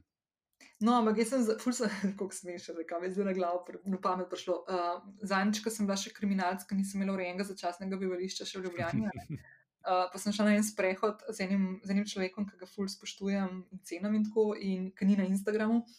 In tako nekaj razlagam, da kako mi je dobro, da kako moramo v bistvu spraviti skupaj balkon, pa to, kam ful veliko teraso, pa tako odprto, pa mi tako prebije, a tako instagramabilno. Pa, tako, a veš, pa sem si mislila, ja, model, pač Ja, men, men, jaz hočem, da jaz, jaz ne morem funkcionirati, če se ne počutim. Pri meni je estetika ful veliko ja, pomembna. Ne, pa se razumem. Ampak sem na to ponosna, jaz sem tako juvalda. Ne, ne, ne se razumem. Mislim, sej, tudi jaz nimam tle zdaj uh, najgrž stvari, ker je možno imam recimo full fine standing desk slovenski, ergo kort, mogoče lahko polinkaš, ki je pač narejen iz koroškega lesa. Um, ki, ki je full fine, pač ja in je full lep. Um, in, in ja, veliko stvari je pomemben, kako zgleda, seveda. Um, in, ampak, ja, kar hočem reči, je samo to, da si moraš, recimo, okolje, v katerem preživljaš 8 ur svojega življenja ali več, pač mora biti okolje, ki je, ki je um, primerno bivanju človeka, se pravi, ja, in ergonomsko, in estetsko, in, in vse. Itak, se strinjam. Se da se strinjam. pač dobro počutiš. Ne? Se strinjam. Vidim tvoje sporočilo. Vidim, na manudi, cajt imamo, kako rečeš. Ampak ja, deva izde, ok, kul. Cool. Še ena stvar, ki uh, sem jo jaz v bistvu um, dobila eno darilo, ki sem ga dobila od tebe, je stoicizem. In to si me ti, stoicizem si me ti spoznal, meni se da je dve leti, leto, dve leti nazaj, ko sem mi prvič poslal, kjer knjigo ne preberem, baj doj nisem še. Um, ampak sem naletela pol tudi na Rajna Holidaya in na to njegovo uh, Daily Stoic, ki jo fulkrat omenjam. Tako da, plis, ne mi spet pisati, bom objavila v show notes, da obstaja ta knjiga, ki v bistvu vsak dan lahko prebereš eno misel stojka. Stojki so bili um, stari Grki, stari Rimljani, uh, filozofi. Med, med njimi najbolj, eden od najbolj uh, znanih je Marko Aureli, ki je bil tudi uh, rimski cesar. Um, in so svoje zapise in svoje misli um, zapisovali. In uh, uh, Ryan Holiday v tej knjigi, pa ne da je to ultimativna knjiga stoicizma, to bo zdaj Miha povedal, kje so bolj, no, ampak čisto, da, da se ti malo približa ta način razmišljanja, kaj sploh stoicizem je. Uh, uh, ta, te, te misli ljudi, ki so jih pisali 2000 plus let nazaj, ne, uh, prevedel nek sedanji, današnji jezik in svet. In v bistvu hitro ugotoviš, ne, da z, uh, z izzivi, ki se sodoben človek ukvarja v sodobnem svetu, so se ukvarjali že naši predniki pred več kot 2000 leti. Uh, iste strahove so imeli, iste stvari so jih bremenile, e, e, in tako naprej. Um, in je ful dobro včasih tako uh, neko tako stvar videti in, in, in, in dojemati sebe v svetu in svet okrog sebe na mal širši način. No. A sem tako prav povedala? Ja, v bistvu si zajela ful stvari, ki sem jih hotel povedati. Um, in ja, jaz sem, jaz sem se s tem srečal dobre tri leta nazaj uh, ker, ker sem bil mogoče mal preveč koleričen v določenih momentih in sem rekel, da pač nekaj bo treba narediti, treba izboljšati uh, svoj um, pogled na svet in, in to, da me pač stvari ne bojo tako vrglestira. In sem najdel um, nekoga, ki ga pač sledim na Twitterju in od uh, mojca bo si guren vedela, kdo je pač DHH, uh, David Heinemeyer Hansen. Um, je priporočil to knjigo A Guide to the Good Life. Um, in naslov je zelo čizi, in, in vse je zelo tako, pač ono, a, to je spet nek ta self-help book, ki jih je pač ono, v vsaki knjigarni, dobiš, ki ti hoče pač neki, neki posiliti in uno, uno, to, to, to, to, to ti pa spremeni life. Ne. Ampak sem vsem um, kupil to knjigo najprej kot audiobook in, in poslušal, in mi je bilo noro, in takoj sem si jo kupil na Kindlu, da sem lahko vse um, po, po črtu in, in po baru, vse, kar je pač zanimivo noter. In kmalo sem kupil pa še fizično, tako da imam to res v treh izvodih uh, knjigo, čeprav fizično nimam več, ker sem jo posodil. Um, ampak ja. Point te knjige je, da je zelo podoben kot ta od Rajana Holidaya, um, da nekako postavlja stvari v današnjem času. Prav, vse te, kot se rekla, um, glavni stojki, pač uh, Epiktetus, Seneca, pa Marko Aurelius, so bili tam 2400 do 2000 let nazaj. In vse te njihove besede so pač seveda prevedene že nekajkrat, in se vmes pač malo spremeni, lahko pomen ali pa um, vse, vse to. In William, ki je pač um, avtor te knjige, je te njihove besedila šel iskati v originalu in jih probo na novo interpretirati v um, kako bi to vplivalo na, na, kako bi to apliciral na današnje življenje. In kar je meni najbolj zanimivo pri tej knjigi, je to, da te v bistvu noče forcirati stoicizma, ampak da nekako razloži, da, um, zakaj on misli, da je stoicizem najboljša filozofija za današnji čas, ampak bolj pomembno se mu pa zdi, da pač imaš neko filozofijo življenja. Ne to, da unotavaš iz danes na jutr brez nekega cilja, kaj hočeš narediti iz svojega življenja um, kaj, je, kaj je tisto, za, za kar živiš. Pač ne živiš za to, da, da ješ in da greš, da boš jutri preživel in da plačaš položnice. To je pač realnost nekaterih ljudi in zelo pač žalostno, da tako je, um, ampak žal. Ampak za veliko večino nas, sploh pač tvojih poslušalcev, je um, že to, da imajo, vem, da imajo telefon, na katerem lahko poslušajo podcast, nas postavlja v top 10% prebivalstva na svetu, kar se tiče premoženja. In Ker si enkrat le, pač je, je treba gledati na, na druge stvari in si pač postaviti neke cilje, kaj, kaj je tisto, kar, kar hočeš od, um, od, od življenja. In, in meni, pač po tej knjigi, sem najdel še nekaj drugih, pač ja, Ryan Holiday um, je, ima eno tako lepo zbirko treh, um, ki so, uh, mislim, da Obstacle is the way, Ego is the enemy, pa Stillness, stillness is the key, se mi zdi. Ja, ja. Um, ki je na tak lep. Um, v bistvu na, na podoben način reinterpretacija, samo da gre globje prav v stoicizem, v tem, da ta pač Guide to the Good Life je pa zelo splošna in um, approachable. Uh, bi rekel v lepi slovenski besedi.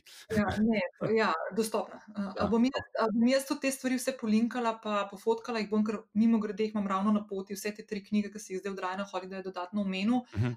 No, by the way, sem si kupila, ker si rekel, da moram kupiti njegovo tisti politični. Ja, trust me, I'm lying. Ja, Trust Me, I'm Lying. To. Odlična knjiga. No, pa itak imam še un growth hacking, ali pa un marketing, ali pa to, če uh -huh. nisem podprla, ker jaz sem tista, ki kupujem serijsko knjige, pa pa ležijo. Uh, drugač pa, uh, veš kaj, mogoče čisto, da gremo en korak nazaj. No? Uh, kaj, kako, bi ti, kako bi ti nekomu, ki zdaj posluša, pa reče, kva hodiče je to zdaj stolci? Uh -huh. Kako bi to razložil tako v enem, dveh stavkih? Ja, v enem, dveh stavkih ne gre. ampak, ampak... To si meni takrat rekel. No, vsak, to si ti meni delo marca meseca, da zdaj zdiva tako en tak krok. marca meseca, ko sem le v uni drami, ki sem poklical za kam take podočnjake spet, pa sem ven metu iz te moje tesnobe, si mi parkrat ponovil točno tiste besede, ki se po mojem so že zdaj spomnil, pa še ne pa jaz povedala. Uh, ja, ne, pač samo, samo bistvo je to, da, da se pač ne obremenjuješ s stvarmi, ki so izven tvoje kontrole. Pravi, da, da vse, kar, kar bi ti moglo vplivati na življenje, so stvari, ki jih imaš ti pod kontrolo. Vse, kar je izven tvoje kontrole, pač tako ali tako ne moreš vplivati in je brez veze. Uh, da zapravljaš svoj cajt, pa, pa čustva, pa da si nesrečen zaradi tega, ker se pač, vem, stvari dogajajo, na katere nimaš vpliva, na katere ne moreš spremeniti. Um. No, in meni, na primer, v letošnjem letu, kaj sem se naučila na svoji koži, ravno zaradi te marčovske uh, uh, situacije in pač vsega, kar se je kasneje dogajalo, je, da jaz kot kontrol freak, ne, in ki sem po naravi kontrol freak, pa še malo zaradi uh, službe, ki jo upravljam. Um, sem v bistvu prvič v življenju spustila stvari, ne? ker enostavno ni šlo drugače. Ker je bi bilo mm. ali pa pot v, v polje, ne?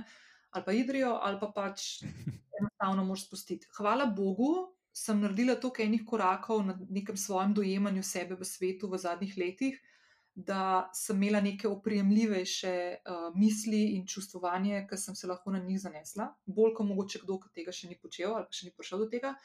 Um, in uh, stvar, ki mi je v bistvu, um, ki si mi tudi to večkrat vrgel, ne, če ne moš vplivati, tata, kaj sem ugotovila, tisto sekundo, ko sem spustila in začela zaupati sebi in svojim odločitvam in tem, da odgovore že nosim v sebi, ker se to zelo ezoterično sliši in me briga, če se.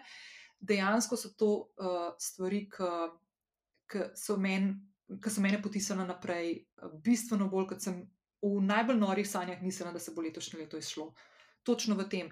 Temu uh, lahko rečemo tudi, uh, to je za nič macini, uh, spet bom spet bom polinkala, spet odklem na Selakoviča idejo pogovoru, rekel ta lokus kontrole. Uh, predvsem za ženske, ki to poslušate, pa mimo grede ista sem bila, še ne dolgo nazaj, pa še me vrže to noter. Lokus kontrole pomeni, kje v tvojem življenju se nahajajo stvari, ki vodijo tvoje življenje. Uh, ali pa čustvovanje, ali pa tvoja pot. A je to neka taka stvar, ki jo postavljaš izven sebe, se pravi, ne vem, če vlada ne bo tega naredila, pol tudi jaz tega ne bom mogel. Naprimer, primer, pa zdaj ne govorim o tistih, ki morate biti zaprti, da ne bo zdaj to tako, uh, tako se slišal, da sem pametujem.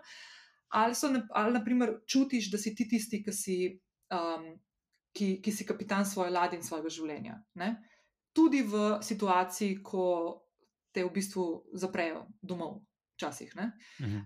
Um, in se mi zdi, da tukaj ta stoicizem, ful, gre lepo z roko v roki tudi s tem, da, da, da te uči uh, skozi prakso, ker to je ful easy reči. Ja, mislim, da je to tudi meni fajn pri stoicizmu, ko vse te, kar bereš, recimo um, ena zelo, zelo fajna, um, vse tega, tega je veliko v originalih in to so zelo kratke knjige in če so dobro prevedene, se dosti lepo berejo. Um, da tudi te, recimo te tri, ki so jih prej omenila, pa še pač kdo drug, ki, je pač njim sedel, tudi oni niso bili perfektni in se tega zavedajo in, in pač ne želijo od tebe, da slediš tej filozofiji pač 100% in, in, in mislim, ne pričakujejo od tebe, da boš 100%. Tudi oni niso bili, tudi oni so pač failer, bi se jih Aurelij se velikrat sprašuje v teh um, svojih pismih, sam sebi oziroma v nekem dnevniku, ki ga je pisal. Um, tega, da, da zakaj, čeprav pač razumsko ve, da ne bi smel biti obremenjen s tem, kaj govorijo o njemu, vsem pač vpliva na njega. Se pravi, tudi te ljudje, ki so, ki so bili res vrhunski na, na tem, tudi oni niso bili perfektni in ne, ne pričakujejo tebe, da boš, ampak mm. stremiš k temu, pač probaš biti čim, boljš, čim, čim bolj se pač asimptomatičen. As, To, uh, se pač uh, približati, približati temu in, in biti nekako. To je nekakšen ideal, uh, ki mm. vejo, da ga ti ne boš dosegel in da ga noben ne bo dosegel, ampak pač probaš iti v, v tisto smer. Ja, se to je to. Pa še, pa še Marko Aurelij je bil v bistvu um, je bil eden od ljudi, ki so tok in tok stoletji, tisočletji nazaj živeli, ki so ljudje bistveno prej umrli, ampak oni dosegajo visoko starost. Mhm. Te njegove misli, ki jih je pisal starejš, v starejšem obdobju, oziroma kasneje v življenju, ne, so v bistvu um, kažejo na to, kako človek čist vedno um, do konca svojih, svojih dni se v bistvu uči o sebi in o svetu okrog njega. Mhm. Um, tako da se mi zdi tudi to, um, ta, veš, veš, to je to, to tista stvar, ki meni, naprimer, um, ki se mi zdi, da tako mene, naprimer, pomika naprej, tudi v kakšnih dneh, ki so tako malo slabi, ne, pa poču, počutje, počutje njiha. In, naprimer, ena stvar je ta, ne, točno to, na kaj imamo vpliv ali nimamo vpliva. Prvo vprašanje.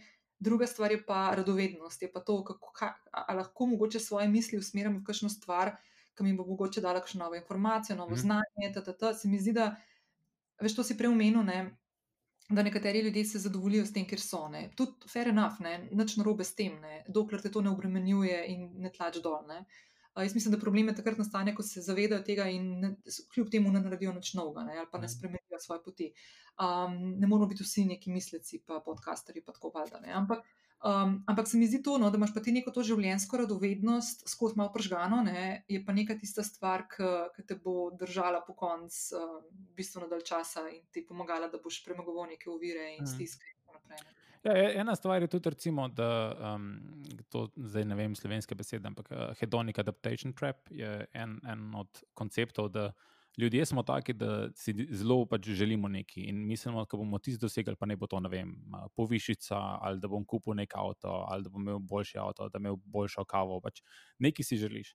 In, in polk, to dobiš, si momentarno srečen in, in si dejansko vesel, ampak zelo hitro se to navadiš in to kar naenkrat postane tvoj pač vsak dan. To, pač, si ful želiš nov avto, kupiš nov avto in zdaj je to tvoj avto. In v roku, ne vem, dveh, treh mesecev je to tvoj avto in si želiš boljši avto, pa si želiš, ne vem, kot sem rekel prej, povišico, si želiš spet povišico, ali pa ne vem, zveš, koliko ima nekdo drug in, in si želiš uno.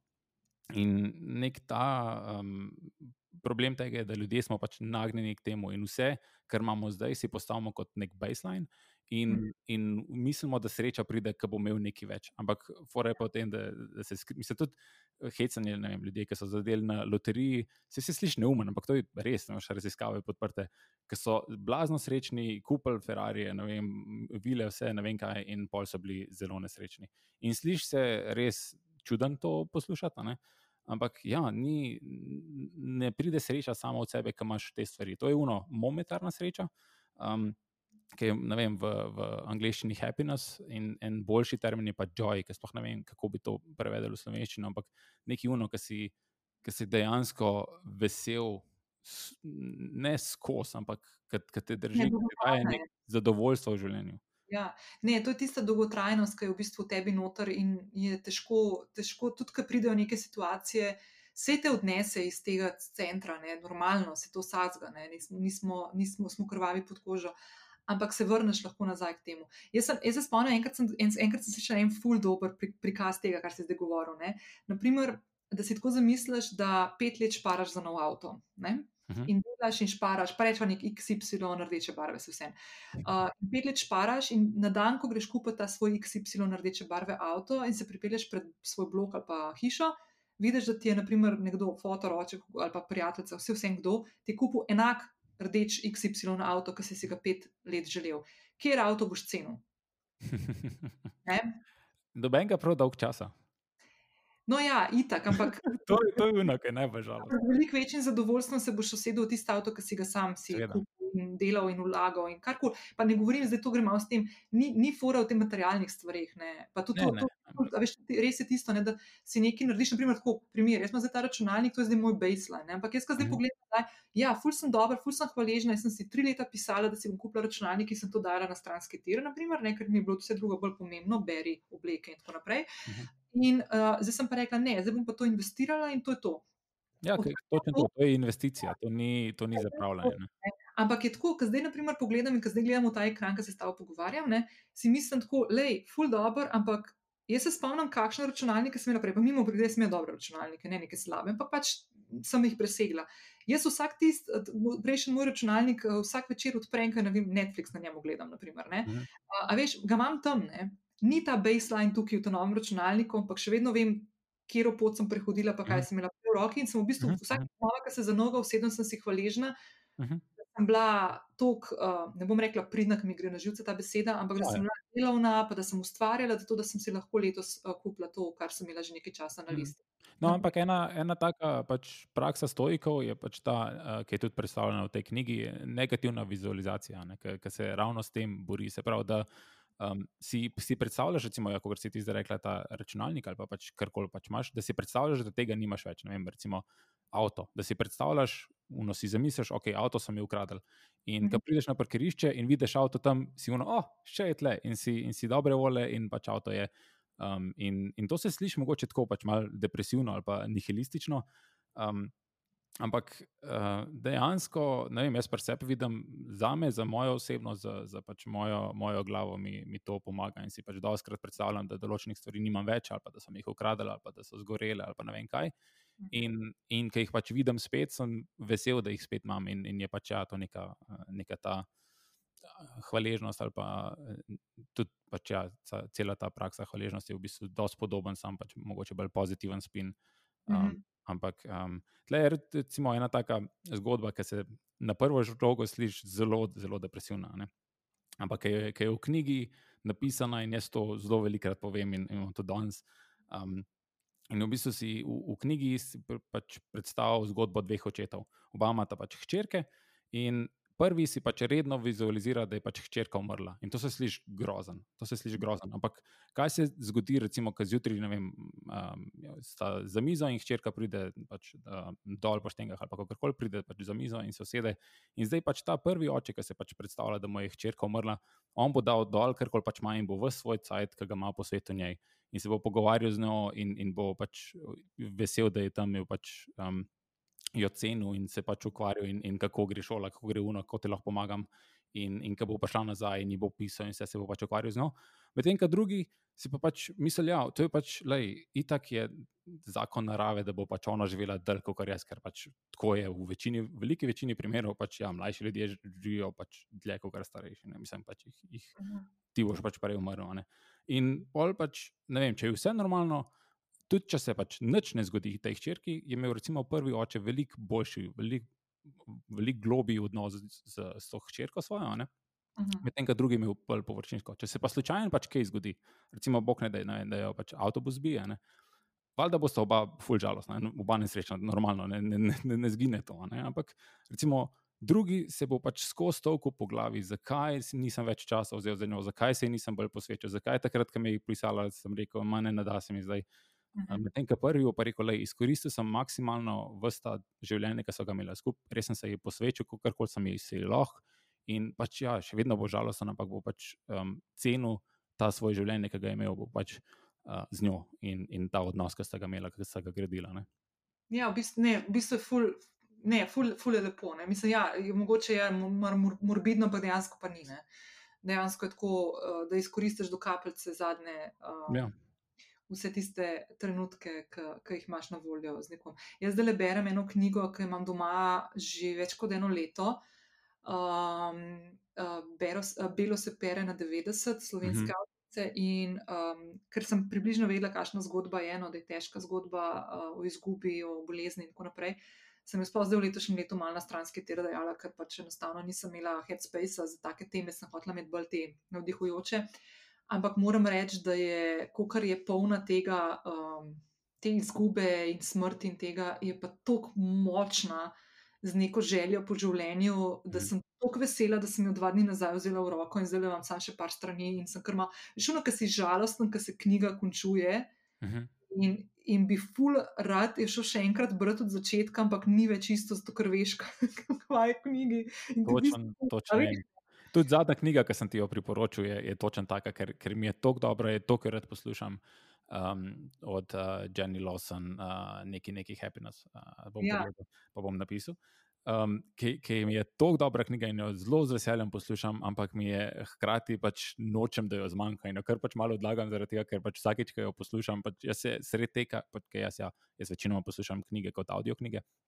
In jaz se velikrat sred tega pač ustavim, ker se tako smejem, da ne morem več teči pač res.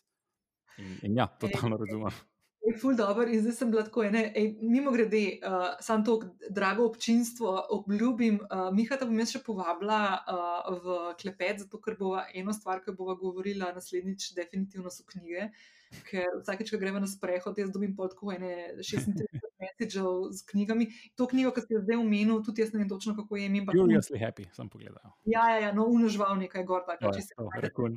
Ja, ja, je na poti in upam, da pošto Slovenije ne zataji. Um, v glavnem, se moj gre. Ampak v glavnem, um, ja, um, ful dobro, imaš ful dobre te fore in jaz sem spomnil zelo ene, dva dni nazaj, sem gledala premaši Instagram storije pa vidim, da je brala uh, to meni, ful, ljubo knjigo, ki tudi ti si prebral, oziroma poznaš uh, A Ride of a Lifetime, Roberta Igerja od Disneyja. Uh -huh. in, in je tako, uh, in sem to videla, da, da, da jih proti koncu sem smiselna, koliko sem jih foška, ne vem. V zadnjem par strani končal, tako da mi je res tista knjiga, tako sam, o moj bog. Ne. Ja, meni je bilo zanimivo, ker sem njegovo zgodbo poznal pač iz ene par drugih biografij, pač ne vem, iz Jobsove, pa, pa iz Pixarjeve, eh, ki je tudi zelo dober Creative Inc., odlična knjiga.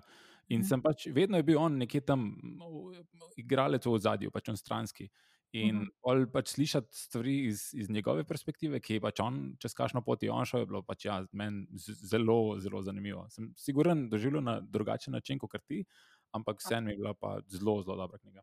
No, pa tudi tako, ne, ta knjiga, ki mimo grede bom polinkala, je, je knjiga, ki bi jo mogel za moje pojme prebrati um, vsak zaposleni, vsak lastnik svojega podjetja in vsak človek, ki vodi ekipo, kot lastnik, šef ali pa karkoli, zato ker je zgodba o tem, kakšne vrednote morajo imeti ljudje, ki vodijo ljudi, in v bistvu, kaj bi mogli ljudje, ki so vodeni, pričakovati od svojih vodij.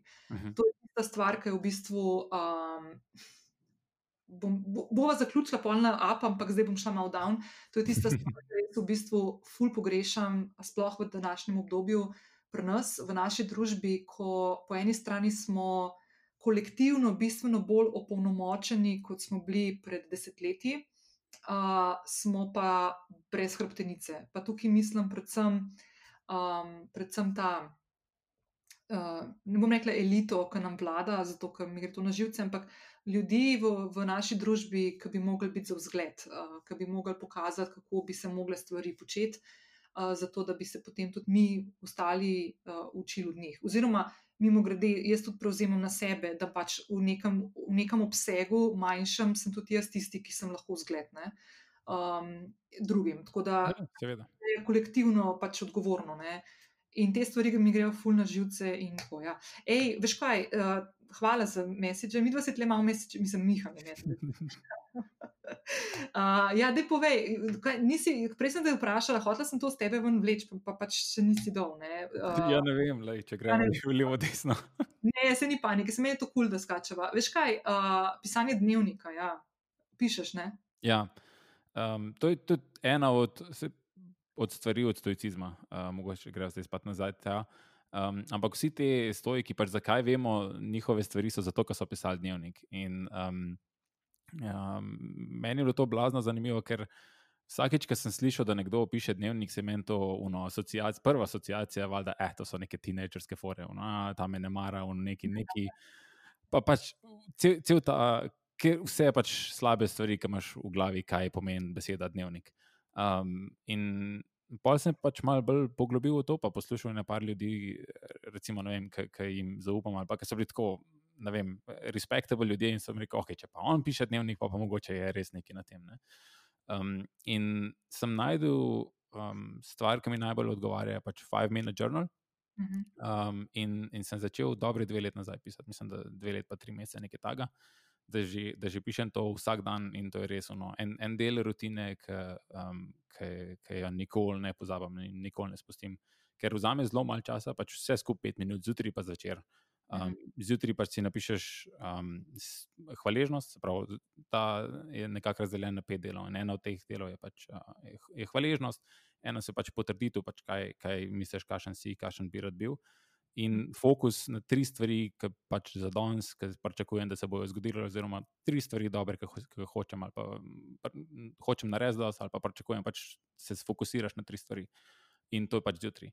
Pa imaš pa zvečer, imaš pa v bistvu neko refleksijo. Pač tri dobre stvari, ki so se zgodile, in dve stvari, ki bi lahko naredil boljš. Um, in in tle ta, sploh ta zadnja, se mi zdi, da je meni, uh, poleg pač hvaležnosti, za me se mi zdi, da je imel zelo veliko vpliv na spremembo, kako se obnašam do drugih, kako sem pač jaz kot človek, kje stvari so mi pomembne, pač neke te prioritete sem se ravno zaradi tega, se mi zdi, precej spremenil. Mhm. Potem sem pač še par stvari dodal, jaz recimo zdaj, če pišem vsak dan, kaj je ena stvar, ki sem se jo danes naučil, pa um, kako sem nekomu pomagal. Uh, Ker se mi zdi tako, pač malo mal za ego pobožati, malo pa zato, da, da, recimo, da čez dan razmišljam, okay, kako bi lahko jaz se vam danes pomagal, ali pa ne, ko me nekdo vpraša nek neumen vprašanje, da se ne rečem, jo, ker kreten, ampak rečem, ok, čak, ti si bil tudi enkrat ta kreten. Dej pač razložimo na način, ki je nekdo drug, ki ga ti ceniš, te to razložene. Ker se mi zdi, da to je pač največ, imeti um, nekoga, ki ti zna na lep način pač razložiti. Kakšna čast je v bistvu, ko dobiš vprašanje nekoga, ki te vpraša za nasvet ali pa za mnenje? Uh mhm. -huh. V bistvu tako vzameš. Ne? To sem se tudi jaz mogla naučiti. V bistvu, nekdo je v meni prepoznal človeka, ki mu lahko odgovori na nekaj. Ne? Meni se to. -huh. zdi tako mislim. Ja. Um, Drugač pa, ful pomembna stvar, tole zdaj ta druga zadeva uh, v Five Minute Journal zvečer, uh, da, re, da, da ne rečeš, kaj sem narobe naredil, ampak da dejansko je tako, kaj, kaj bi lahko naredil boljš. Ne? Sprav, mhm. da ne gre to neko negativno obsojanje, ampak da sebe krepiš kot človeka z vsemi nijansami in dimenzijami, tudi z mhm. napakami napačnimi odločitvami, in da namesto da se osredotočiš na to, se osredotočiš raje na tisto, kaj bi bilo lahko drugače, pa kako bi lahko ja. drugače. Zato da rasteš, da nisi. Ja, Točno to. In, in za razliko od uh, tebe, pa, pa pač uh, mojce, pa večine teh poslušalcev, se mi zdi, po moje, jaz sem zelo digitalen in jaz to pišem pač v, v aplikacijo. In meni je tudi zelo zanimivo, oziroma mi je full fine, uh, ko vidim, pač, kaj mi napiše, kaj je bilo en let nazaj, kaj je bilo dve let nazaj. Um, noter, noter sem potegnil tudi pač fotke iz Instagrama, pa moj blog, pa vse, vse te stvari. In, in mi je fajn pač gledati, kje sem bil, pa pač napredek, ki sem ga naredil od takrat. Kje pa to pišeš?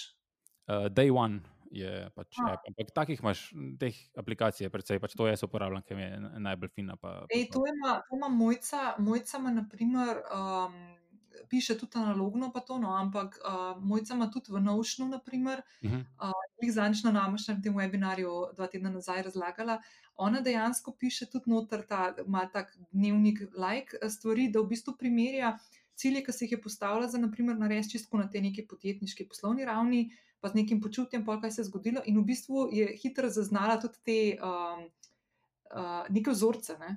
Uh, uh -huh. Se tako počuti, se bo zgodilo tako. Če ima take cilje, se lahko zgodi počutje tako. Ne?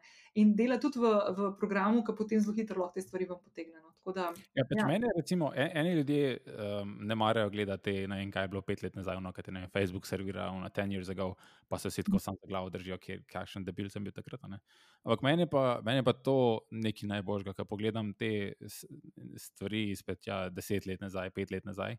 In si, in si rečem, kako sem se premaknil naprej v življenju, kako sem zdaj v boljši poziciji, ali, ali mentalno, ali glede razmišljanja. Ali glede, vem, jaz sem včasih res take streparije pisal, da, da boh pomaga na, na, na moj blog, ampak pustimo to.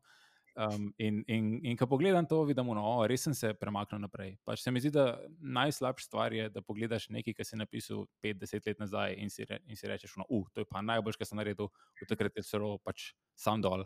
To se tudi mi zdi, da je, da je pač slabo uh, in, in je pač fajn videti, da se premikaš naprej. In, in sploh ja, pri tem dnevniku res vidim, pač, kakšne stvari sem pisal, recimo na začetku, stvari, ki bi jih lahko naredil boljše. In, in zdaj gledam, da ja, skoraj vse, skor vse sem popravil, valjda ne. Uh, ampak um, veliko teh stvari mi je prišlo dejansko v, v podzavest in, in kako pač, um, kakšno interakcijo imam z drugimi ljudmi.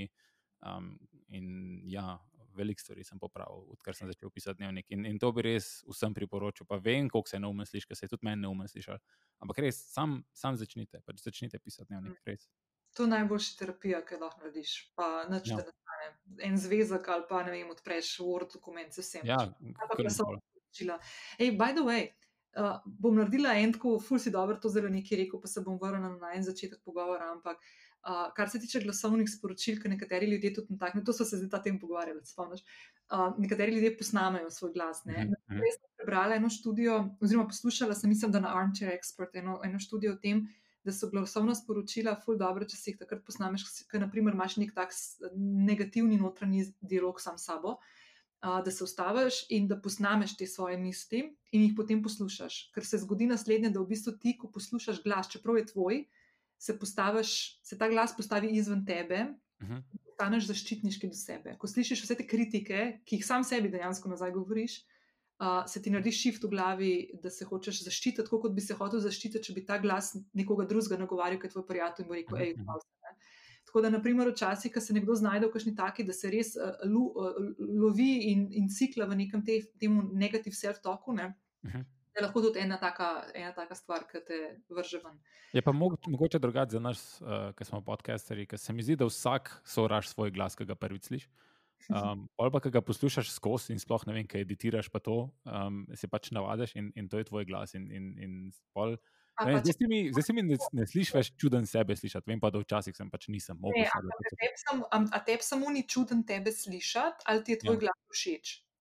Zdaj mi je, zdaj mi je ok, to je zdaj moj glas, ampak ta prvi, ne vem, ta prve pol leta mi je bilo pa, kdo, kdo je ta glas, a, a ta glas vam a tako mene drugi ljudje slišijo, ojej.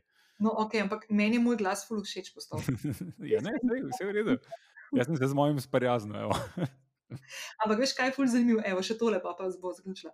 Um, jaz sem pred dvema letoma prvič posnela uh, na Instagramu ta story, ki se pogovarjaš s, s telefonom. Ne? Mhm. Uh, in mi je bilo tako zabruhati, in 31 krat sem ga mogla posneti, ker nisem si bila všeč, uh, moj glas mi je šel na živce, ful sem čuden govorila, bla, bla, bla.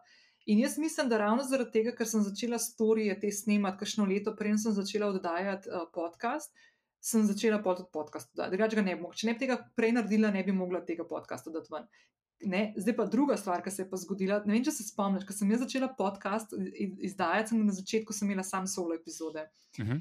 In jaz sem ugotovila, da prvič, ko sem se usedla za ta mikrofon, to je bilo na moj rojsten dan lani, in sem začela snemati, sem ugotovila, da ne spravim iz sebe enega normalnega stavka. In sem ugotovila zelo hitro, zakaj. Zato, ker sebe ne vidim. In sem si za prve pare epizod postavila špego. Ja, to, to sem slišal že, sem- meni, meni je to smešno, meni bi bilo še slabše sebe gledati. Jaz sem mogla, ker sem mogla tisto po, po, podoživeti, kot je predstoril, da vidim sebe, ko govorim. A veš, kot Mm. mm. video. Vse vem, da je ful bizarno, ampak lej. Ja, ne, ne, pač whatever works. Um, pač, Whatever it works. Par, par epizod sem to mogla, pa sem pa lahko nehala. meni je bilo tudi grozen takrat med, med prvo karanteno, so bile te, ki te, vem, eh, no, so te ljudje nominirali za neke stvari. In Mislim, da me je Rik Mojca, Mojca nominirala, da sem se mogel posneti, zakaj treba ostati doma ali nekaj to. In ja, ja, jaz sem un video snimal, po cel popoldan. Ker je ja, grozen, to, to ni za me. Jaz, jaz zelo rad govorim in, in z veseljem, ampak gledati mi pa pač tudi cel ta selfie scena, to, ne, to ni za me. Jaz- Ma ja, lej, sej, ja, itak. No, lej. Jaz bom tako rekel, da sem fuljenih frustracij uh, pozdravila zaradi Instagrama, tako da sem hvaležna. Uh, je pa treba biti kritičen, kar to danes že pove, ampak veš kaj, zdaj se bo vrnila na uno, ki si rekel, ki ti pokaže Facebook. Um, Mhm. nazaj, eh, v tem tednu je eni najni skupni znanki živi pokazali, kako smo pred kolikimi leti, osmimi ali Ne, devetimi, več. devetimi leti, uh, Twitteraši se dobili na dan, ko so se v Ljubljani prižgale um, lučke. Mhm. Na stojnic pri Tromostovju in na zdravju s kuhanim vinom, in pol je še gospod Župan mi prišel in smo klepetali, in tako naprej. Ne? In uh, ker jaz to vidim, se mi zdi, da je to drug življenje. Tam jaz Ja. sem letos ne bo uh, kuhanega vina, za prižig, ga ni bilo za prižigova- prižig lučk, uh, pa še to so nam vzeli, ne zaprem. Uh, v glavnem, um, ampak ja, kaj vse se je v teh devetih letih zgodilo. In Po mojem je bilo bolj 10-11, ker um, Aha. pač vem zaradi moje partnerice na fotki. um, tega ne ja, zelo, zelo dolg nazaj. In, uh, ja, jaz, pač, kot sem prej rekel, to je za me čist drug life. Jaz sem res takrat, ko sem nehal slikati, ker je to res del moje identitete se, in, in pač biti bloger in fotograf. In um, to danes sem pač čist drug človek in tudi ja, družbo imam v glavnem drugo in um, sem definitivno. Ja. Ej, Drug, a veš- in upam, da boljši, ne vem, saj sebi se zdim boljši človek. Ja, valjda, vsi smo, vsi smo boljši. Ej, poslušaj, še ena stvar, veš. Um, to pa nisem nikoli povedala na glas. Pa bom zdaj, ker bom to rekla, da morate do konca poslušati, če hočete to slišati. Eno bizarko. Jaz sem bila tudi blogerka 15 let nazaj. Ne? Mhm. In imela sem fashion blog, kaj pa to. Ja, takrat, takrat so bili blogi tako fajn, vsak je imel blog. In, Na blogerju. nas veš. podcasti. No. ja, ja, ja. Ne, ne boste tega najdel uh, nikjer. Uh, mislim, da sem eno objavo napisala in zelo hitro ugotovila, da pač je pa fashion bloger in boste šli skupaj. Uh, čeprav letos mislim, da je prav demokracija objavila polet, uh, ne vem, en, en, eno mojo stvar so objavili, ne vem odkje, um, in so, pripisali, so me predstavili kot uh, modno gorujko. Ne vem, Uja. kje to najdem. to se ne more, lahko slabše. Mislim, slabšo, da ne bom kakšnega zelo razočarala, ker sem modni bloger, ne mislim nič slabega s tem, ampak pač ni to moje, moj špil in nisem jaz modna poznavalka. Uh, bi pa lahko v takem mediju uh, bilo bistveno slabše, bi bilo lahko predstavljeno, to sem mislila. Uh -huh. ja. Enač, Miha, le, jaz sem full vesela, smo poklikali vse, kar smo na svoji strani napisali. Pa mislim, da smo še zmeraj full stvari, ampak ta glavne svoje. Ja. Ja, se bo. Zdaj, Miha je danes meni poslal mesič, pa rekel, hej, jaz sem to stvari napisal, pa tako, ne vem, pa se nekaj, bom imela par, par epizod. Po ene treh mesečih prišla do tega, da v bistvu bom kar take, take over, prevzel ta lepota. Ampak ne, ej, zihar bo še klepetala, zato mi je bilo full, full prijetno klepetati s tabo. Enako, enako. Uh, ej, Miha, dej, veš kaj, uh, ta vikend malo težji, pa naslednji teden imam jaz tiste tri delavnice, ko bo ta podcast išel, imam delavnice spet mojco, pa zmašal ta zadnjič uh, 360 bootcamp, ampak pa pa dej greva na sprehod. E, prav, tako da mhm. proti koncu, proti koncu tega tedna, če poslušava v, na dan, ko bo to išlo. Proti koncu leta pa. ne, letos se še vidva. okay. Na penino, na mestu mest lapopsi uh, lučke, kot je polet, bom prinesla, bom prinesla penino dol. Se že veselim. Lepo bodi, pa ful hvala za vse danes. Eh, hvala te res za vabilo in uh, ja, upam, da se še slišimo. Definitivno. Lepo bodi. Enako, čau. Čau. Evo, to je to. Uh, Miha, hvala. Uh, ful sem vesela, uh, res sem ful vesela, da smo to naredila. In mimo grede, Miha je tudi tisti človek, ki mi ful pomaga tudi pri podkastu. In kot sem omenila že vmes med epizodo, je mi ful pomagal, naprimer. Um, ker sem imela malo težave s podkastom, ki sem ga posnela s Tanjo Fajon septembra meseca, uh, ker je bila ful slaba uh, kakovost zvoka na Tanjini strani in je Miha pomagal editirati, ker ima ful več izkušenj, pa ful bolj se ukvarja z editiranjem podkastov kot jaz, ki jih imam rada take bolj ro oziroma bolj take grobe, kot pač so, kot se pogovarjamo na kavicah, da niso preveč filtrirani. Tako da, ja, Miha je eden od tistih ljudi, ki uh, ti stoji ob strani in sem full vesela, da sem ga spoznala. Lahko povem, da pred desetimi leti se nisem mislila, da bom imela take klepete z njim. Tako da, full dobro. Sva se pa z Miho še eno stvar pogovarjala um, izven etra in sicer jaz mislim, da ga bom kar mal bolj pogosto povabila tudi v kakšne te krajše epizode uh, sredine, zato da bova mogoče mal uh, se sprehodila še čez kakšne te teme, naprimer, kakšne knjige, ki so fajn. Jaz vedno, ko grem na sprehod z Miho, pa dobim tako ene, pet, šest različnih SMS-ov, ki mi pošle linke. Do kakšnih knjig, ki so, ki so dobre, pa ki jih je prebral. Uh, kar nekaj knjig smo tudi uh, brali, oba in se lahko o tem pogovarjava. Tako da uh, je res, res en tak uh, človek, ki odpira obzorja. Tako da, tako da se mi zdi, da je ta lušna stvar, ki bi jo lahko še vključila. Uh, drugače pa še eno zadevo. Uh, jaz te vabim, zdaj, če si prišla do konca ne, te epizode, ki ni tako kratka. Jaz te vabim, da se mi lahko kadarkoli oglasiš, uh, spet najraje to vidim na Instagramu, ker mi to najhitreje to vidim. Uh, pa imaš, če imaš kakšno mnenje ali pa kakšen predlog sogovornika, sogovorke, kadarkoli se mi lahko javite, če bo to neka taka tema, um, o kateri mislim, da lahko kakšno stvar povem, uh, da, ni, da mi ni res neka tuja potem z največjim veseljem ugriznem tudi v kakšen predlog, ki mi ga boste poslali. Tako da, um, kadarkoli se mi lahko javite, tako kot sem rekla v uvodu te epizode, občasno, oziroma ponavadi se po vsaki epizodi, ko je objavljena v mojem. Temu le nabiralniku na Instagramu, z, z, začne kar ena taka afterparty žurka, um, in se ful, ful pogovarjamo in klepetamo. In, uh, in mi, ful sem vesela, ker se javljate v vedno večjem številu. Uh, kaj vam ta podcast pomeni, kaj ste se naučili, kakšne iskrce so se vam odprle v vaših glavah, in tako naprej. In sem res vam neskončno hvaležna za vaš čas, pa pozornost, ki jo namenjate, ki se mi ne zdi samo po sebi umevna. Um, v luči vsega tega, koliko je enih informacij okoli nas, da zberete točno ta vir. Tako da res, res hvala. In ta podcast uh, ni samo moj podcast, ampak je predvsem vaš. Tako da bom res vedno vesela tega, te dvosmerne komunikacije, ki jo sicer ta medij malo težje omogoča, oziroma ne omogoča, zato sem vedno tako hvaležna, če dobim še kakšno sporočilo kasneje. Tako da hvala, hvala vsaki in vsakemu, ki je prišel do konca. Se slišimo naslednji teden. Mimo grede, uh, ne bom si vzela pauze, verjetno bodo tudi med prazniki um, epizode lepo tekle. No? Tako da uh, imam že naprej nekaj posnete, tako da bomo kar laufali naprej. Uh, če pa slučajno uh, se kaj tako vmes uh, uh, ne slišiva, bom pa kar zdaj izkoristila priliko in ti zaželela en lep skok v letošnje božično-novoletne praznike. In odločila sem se, da bom letos vsem želela isto stvar, ki jo, ki jo želim tudi sebi.